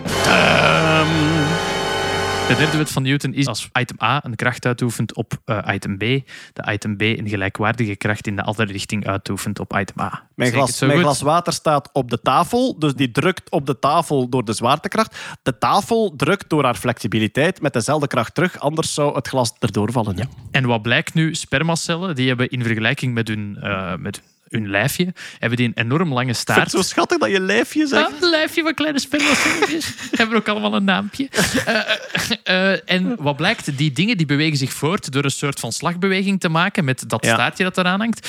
Volgens de berekeningen van de wetenschappers, en het gaat over enorm kleine cellen natuurlijk, en dat is allemaal theoretisch natuurlijk, maar zou, zouden die cellen niet mogen kunnen bewegen? Zou de energie die die opwekken met, met dat staartje volledig moeten verloren gaan aan de vloeistof waar dat die in zwemmen? Ja, spermacellen kunnen niet zonder omringende vloeistof, Ja. anders eh, ja, kijk maar wat dat er met uw korstige sok gebeurt als je ze Oh. langs liggen. Ik Die zwemt nergens heen, wil je zeggen. Nee. Die, die zwemt nergens meer heen. Eh, en wat blijkt dus? Ja, die dingen die kunnen toch bewegen. En volgens de laatste theoretische modellen, want het is een, een theoretische fysica-paper, zou dat niet mogen kunnen. Die dingen zouden niet mogen kunnen vooruitgaan. En toch gaan ze vooruit. En het zou liggen aan de extra elasticiteit in het staartje van, van de spermacel, waardoor dat er extra effecten zouden meespelen die er nog niet in rekening gebracht zijn. Ik denk dat er een bepaalde theoretische fysicus betrapt is op een website en zei... Het is voor een onderzoek! Het is voor een onderzoek! En dan moest hem snel in verzinnen. Dus het, je, hebt, zo- je hebt zo die, die lange staart en die slaat heen en weer. En natuurlijk, het is niet door iets random heen en weer te slaan in een vloeistof, gaat er niet vooruit. Nee. Daar moet een soort juiste Ja. golfbeweging in zitten. En de manier waarop dat ze bewegen, zeiden ze, volgens de derde wet van Newton mag dat hier helemaal Nee, niet volgens de vooruit derde wet van Newton zou dat energie opwekken, maar die zou meteen verloren moeten gaan aan de omliggende vloeistof. Maar dankzij de elasticiteit is er zoiets als de odd elastic modulus. Dus een soort van, ja, een, een soort van extra effect dat je erbij krijgt. Dat is een relatief nieuw concept. En eh, het is maar pas in 2019 ontdekt. En nu is dat verder toegepast, onder andere op de staartjes van eh, spermacellen. Oké. En eh, ja, dat, dat, ze, ze zullen niet echt de derde wet van Newton breken, maar we kunnen nog niet verklaren waarom ze het wel lijken te doen. Ja.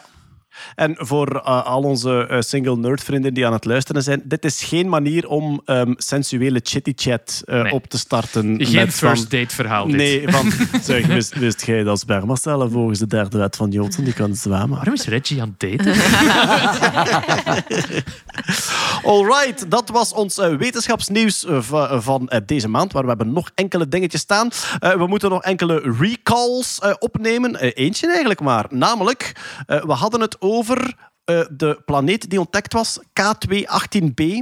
K218b, wat was, dat, wat was dat nu weer mee? Ah ja, dat die mogelijk gassen had. Ja, Dat is ontdekt na K218A. Oh ja, ja. Nee, Ja. nee. Gewoon het kleine detail Dat dat, er mogelijk leven zou kunnen Mogelijk zijn. Maar los daarvan, Inderdaad, los daarvan ja. was daar niks mee. Eh, K, eh, eh, K218b. En toen kwamen wij uit een soort brainstormfase van ja, dat zal de tweede planeet zijn. Ik zou toen gereageerd hebben met no shit Sherlock. Wat blijkt? Dat is de binnenste planeet van het stelsel. Nee, lieve, nee, dat is niet waar. Hoezo? K218c is de binnenste van het stelsel. Wat is er met K218A en K218 Nee, de gebeurd? A is vaak gereserveerd voor de ster zelf. Ah, wel, dat, bleek, dat werd ons gemaild. En de, de- A wordt niet gebruikt, Nee. want dat is de ster. Maar de B is dan de eerste planeet die ontdekt wordt Ah, in de ontdekt tijd. wordt. Ah. En de C is nadien ontdekt, maar heeft een, een, een baan die er binnen ligt nog. Een correctie op een correctie.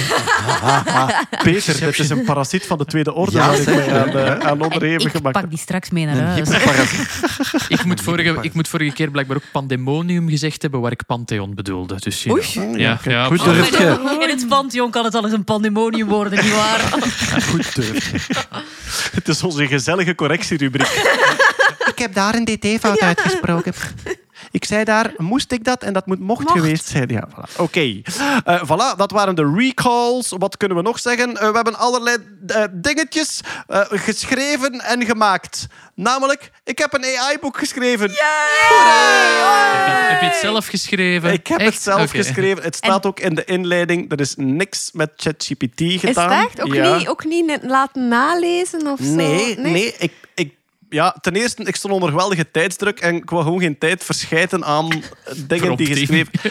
En ook, ja, ik, vind, ik hang nogal aan de formulering. Ja. Ik, heb die, ik heb die in een uitleg in mijn shows nu al honderd keer gedaan. En ik heb daar een manier gevonden van, als ik het zo uitleg, denk ik dat het het best overkomt. En om dat dan te laten doen door een taalmodel, dat, dat, dat, dat, ja, dat ging zo niet. Maar enfin, ik ben er nog niet uit of dat ik geen ChatGPT gebruikt heb uit gemakzucht of uit ideologie. Ik weet het eigenlijk nog cool, niet. Maar cool. hij is zonder ChatGPT eh, geschreven. Ehm, het was deadline surfen. Ik heb, eh, ik heb er ook heel veel tijd en werk in gestoken. Maar ehm, ik denk dat, het, het, eh, dat ik zo de grootste trots voel ooit op een boek. Ja, is dat? Ja, bij, bij het insectenboek moest ik de trots delen met, met, met Peter. En dat is ook een heel tof boek geworden. Maar Een DNA-boek? het DNA-boek, ja, ook. Maar hier heb ik nog harder op gezweet. Vooral ook omdat het zo een ehm, constant aanpassen was. Ja. Hè? Dus ik herinner mij, ik had, een, ik had een heel stuk over het bedrijf in Londen dat films wil beginnen dubben. Eh, in, dus, en dus ook de lipsync van de acteur aanpassen. En dan stuurde ik u iets van Hey, Hey, Jen. Jen. Voilà, en Ja, toen, kwam, toen kwam Hey Jen, dus heel dat stuk is eruit en is vervangen door dit in Hey Heb je nu geen schrik dat over twee Ja. maanden er weer stikken... Ook dat staat letterlijk in mijn inleiding. En Daarom moet iedereen hem nu, Nu, kopen. nu, nu, nu, nu, nu. Niet wachten, niet wachten. Ja. hoor. Nu naar de winkel. Oké, het staat ook in mijn inleiding. ehm, hij zal verouderd zijn nog voor de inkt van de drukpers leeg is. Ja. En ehm, ik, heb, Leeg. Ik hoop dat ze dat droog, bijvullen. ja, inderdaad, droog nog. En ik had daarbij gezegd, hij zal letterlijk verouderd zijn voor de inkt droog is. En het gebruik van letterlijk ligt gevoelig. Hè? Want bedoel je dan letterlijk letterlijk of be- bedoel je figuurlijk letterlijk?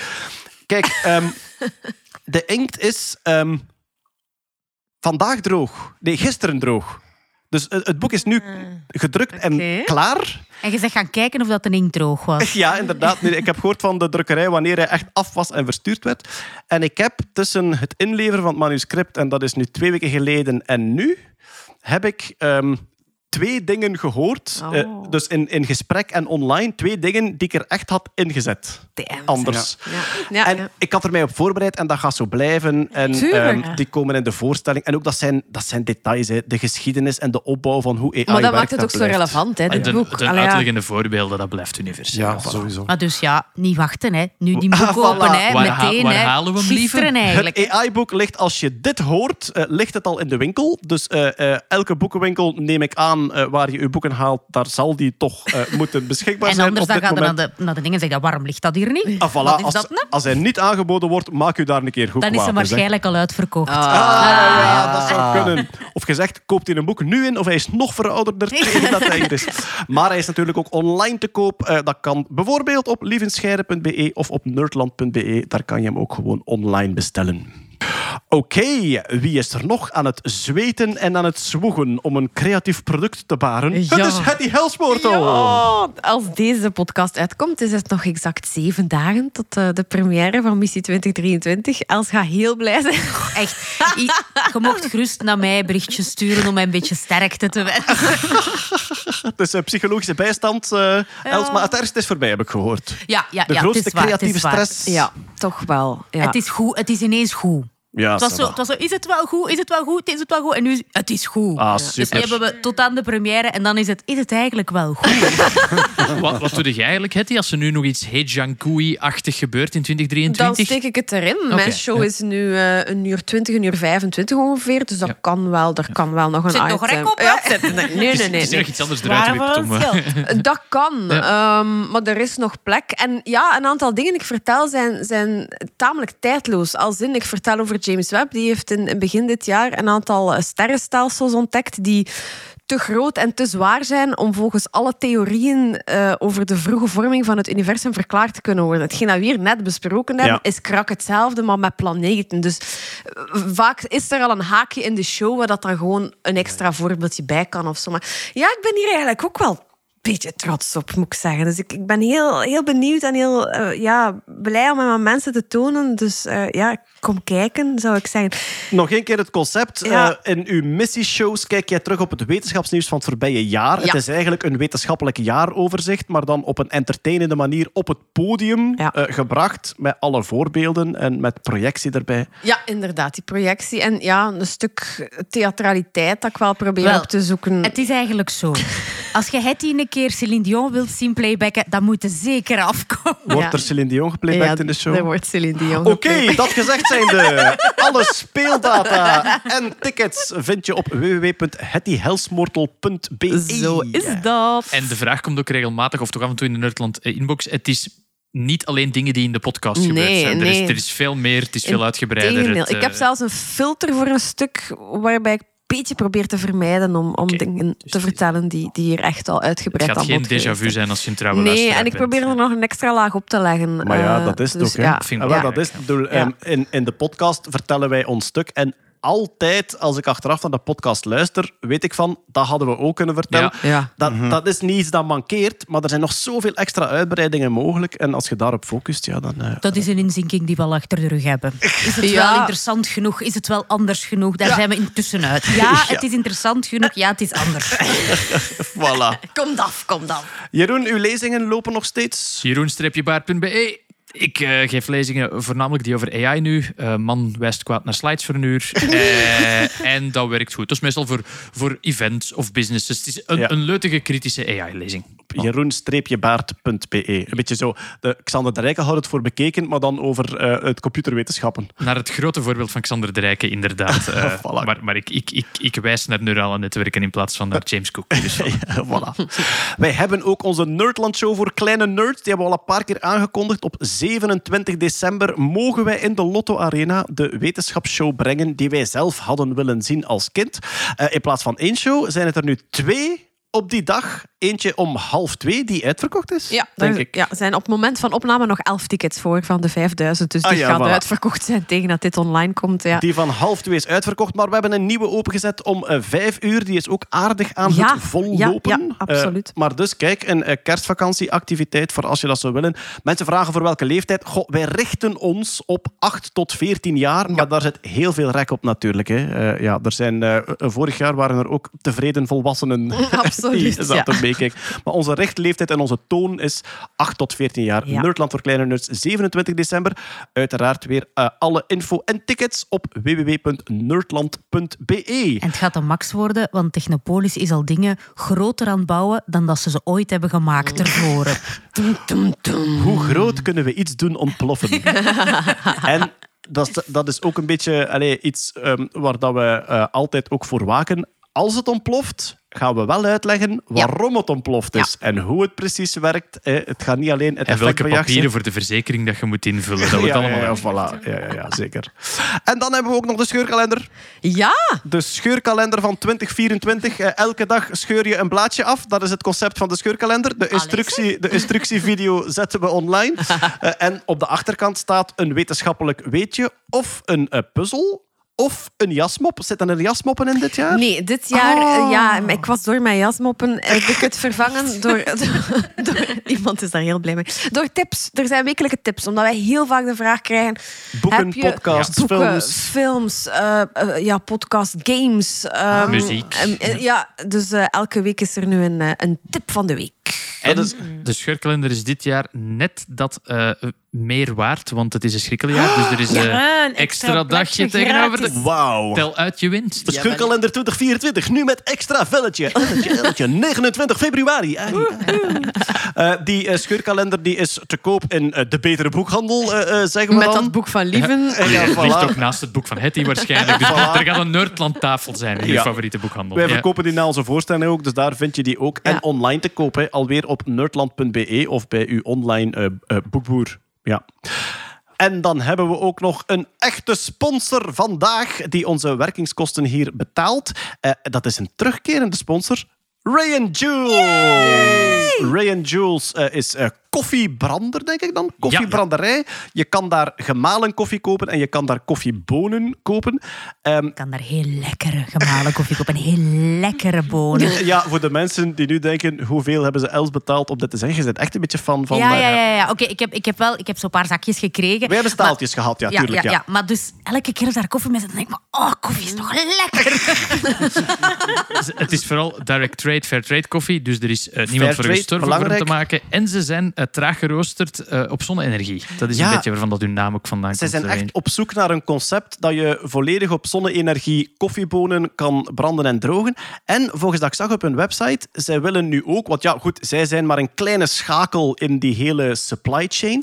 Zij willen nu echt gaan onderzoeken of dat zij tegen eh, 2050, staat er op de website, de volledige supply chain van koffie, dus dat je echt vanaf de plantage tot aan de tas die je aan je lippen zet, dat die volledig CO2-vrij zou kunnen zijn, zijn ze nu al eh, op aan het inzetten. Er is, speciaal omdat ze een tweede keer sponsoren en speciaal omdat wij super fijne mensen zijn natuurlijk, is er een speciaal Nerdland pakket. Dat is Oh. exclusief. Dat wordt niet zomaar verkocht aan Jan en Alleman. Je kunt dat enkel bestellen door naar ray-jules.com slash nerdland te gaan. En dat is een pakket met koffie die de namen krijgt van de podcasters. Hola. Houd u vast. Iedereen, iedereen hier aan tafel heeft een eigen koffie. We beginnen met Fruity Hetty. Uniek, fruitig en aromatisch. Dat is Hetty in een notendop. Eh, ik bedoel in een, in een, in een bonenschil. Eh, spicy, spicy Els. Oh yeah. Eh, elegant met kruidige nasmaak. Eh, powerful Peter. Yes. Delicaat en intens. Oh, dat, wordt dat wordt precies subiet plezant in de nota. Want als ik aan u denk, dan denk ik aan delicaat en intens. Eh, Mighty Marianne. Dat is Oh, eh, wauw. rond met hints van cereal. Dus ik weet niet of dat die rond... Ja, Dankjewel. rond. eh, ja, espresso of Bialetti. Doe ermee wat je wilt. En dan hebben we uiteraard Lovely Lieven. Mooi jongens. Ik had voor Luscious Lieven gegaan. Was wat Lovely Lieven. Krachtig, nootachtig, iets donkerder. Ja, maar eh, Dat, zo is hij. Hij wij is zien wel dus als grijs aan het koffie. worden. Lekker op espresso. En dan Gitzwart en bitter. uiteraard, en ik heb hier niet, opge ik heb hier niet om gevraagd, maar voor mij hebben ze Strong Jeroen. Oh, zeker. Een pittige blend. Mm. Uit Honduras, Guatemala en Tanzania. Dat is, dat is- als mensen aan mij denken, dan denken ze aan exotische vinnigheid. Absoluut, ja. Zeg, en hoe, hoe werkt het pakket? Bestel je één bepaalde... Nee, je bestelt het pakket en je krijgt eh, dus voor het hele pakket krijg je dus 6 keer 250 gram. Dus de Ah, zes dingen. ja. Je krijgt Eh, ons allemaal. Ja, met eh 18 euro korting erop eh, op rayjules, ray-jules.com slash nerdland. Ze hebben ook koffiebonen, hè, want Yes. eh, ik heb een machineke dat de bonen maalt en dan koffie van maakt. Je kunt dus ook van de verschillende koffies die zij aanbieden, er staat al zo wel een smaakprofiel bij, van fruitiness en dat soort dingen, en, en, en strong en body. Ehm, ik heb nu van hen een pakketje gekregen met allemaal zakjes met bonen in, van die verschillende namen. En ik vind dat wel, ik vind dat wel tof, om dan zo whiskyproeverijachtig, zo... Ik ga toch eens even de, de Fruity Fanny eh, beoordelen vandaag. En dan zo, hm, Het is de Ja, Fruity dat- Hetty. ja, nu is de Fruity Wie, Hattie, wie ja. van ons vindt je het lekkerst? Ja, Ik wil al 25 jaar een Spice Girl ben zijn en ik ben nu Spicy Els. Hoe goed is Ah, dat? goed Maar gedaan. zo, zo verschillende, eh, verschillende soorten bonen proeven en dan zo beoordelen van ja, de, de, de zuren zijn interessant, maar niet echt mijn smaak. Ik vind dat wel, ik vind dat wel tof. Dan kun je zo je favorietje eruit halen. En bij mij zal dat inderdaad krachtig, smoky. Dus ik denk dat ik de Strong Jeroen ga... Iets eh, donkerder. Ja, ja, Ja, ja, de ja. Strong Jeroen is een pittige blend. Daar moet je wel avontuurlijk voor zijn leven. Of, eh, wat wat was met Peter? Eh, Peter is de powerful Power- Peter. Dit is Ah, delicaat en intens. Oh, dat zegt, vind ik wel... Dat, zegt zijn vrouw al ja. Ah. Ik zal het, Ik ben als garum, delicaat en intens. Alright, maar dus Ray and Jules, ja, je kan daar nu dus het Nerdland koffiepakket Ja, bestellen voor als je... beperkte editie. Dus Ah, die, ja. worden niet, eh, die worden niet bijgemaakt, die worden niet dinges. Dus als je dat in huis wilt halen, ray-jules.com slash nerdland. En uiteraard alle info op de show notes. En die vinden we zoals steeds lieve op. maandoverzicht.nerdland.be. Correct. Yes. En natuurlijk, als je zegt, ik wil wel de gewone koffie, Ah ja, maar als alsjeblieft. Ja, ja. eh, ik, Ja. hoef geen, eh, ik hoef geen strong Jeroen eh, in mijn bakjes s'morgens als ik aan het wakker worden ben. Alle gewone koffies Ja. van eh, Ray and Jules staan ook op ray-jules.com. Play your cards right. En ik kom het gratis doen, ladies. Oh! ray-jules.com slash nerdland. Ik zal er wat koffie een keer komen opgieten. Moet, moet er een beetje melkschuim bij, meneer. Vergeet de bonen niet. Voilà, op deze, educatieve, is dit wat de sponsor wil? We kunnen dat eraf halen. Ja. op deze educatieve noot voor jong en oud. gaan wij weer... Nerdland voor kids. Zonder dit soort funzigheid. A bit of blue for the dead. Eh, Oké, daarmee gaan we afsluiten. Ik dank natuurlijk als arts. Salut. Jeroen Baert. Marian Verhelst, Dag. Peter Berks Morgen overhoring. en Fruity Hetty Helsmoortel. Met veel plezier. Jullie heel erg bedankt om te luisteren tot hier en graag tot volgende maand. Dag. Dag. Dag.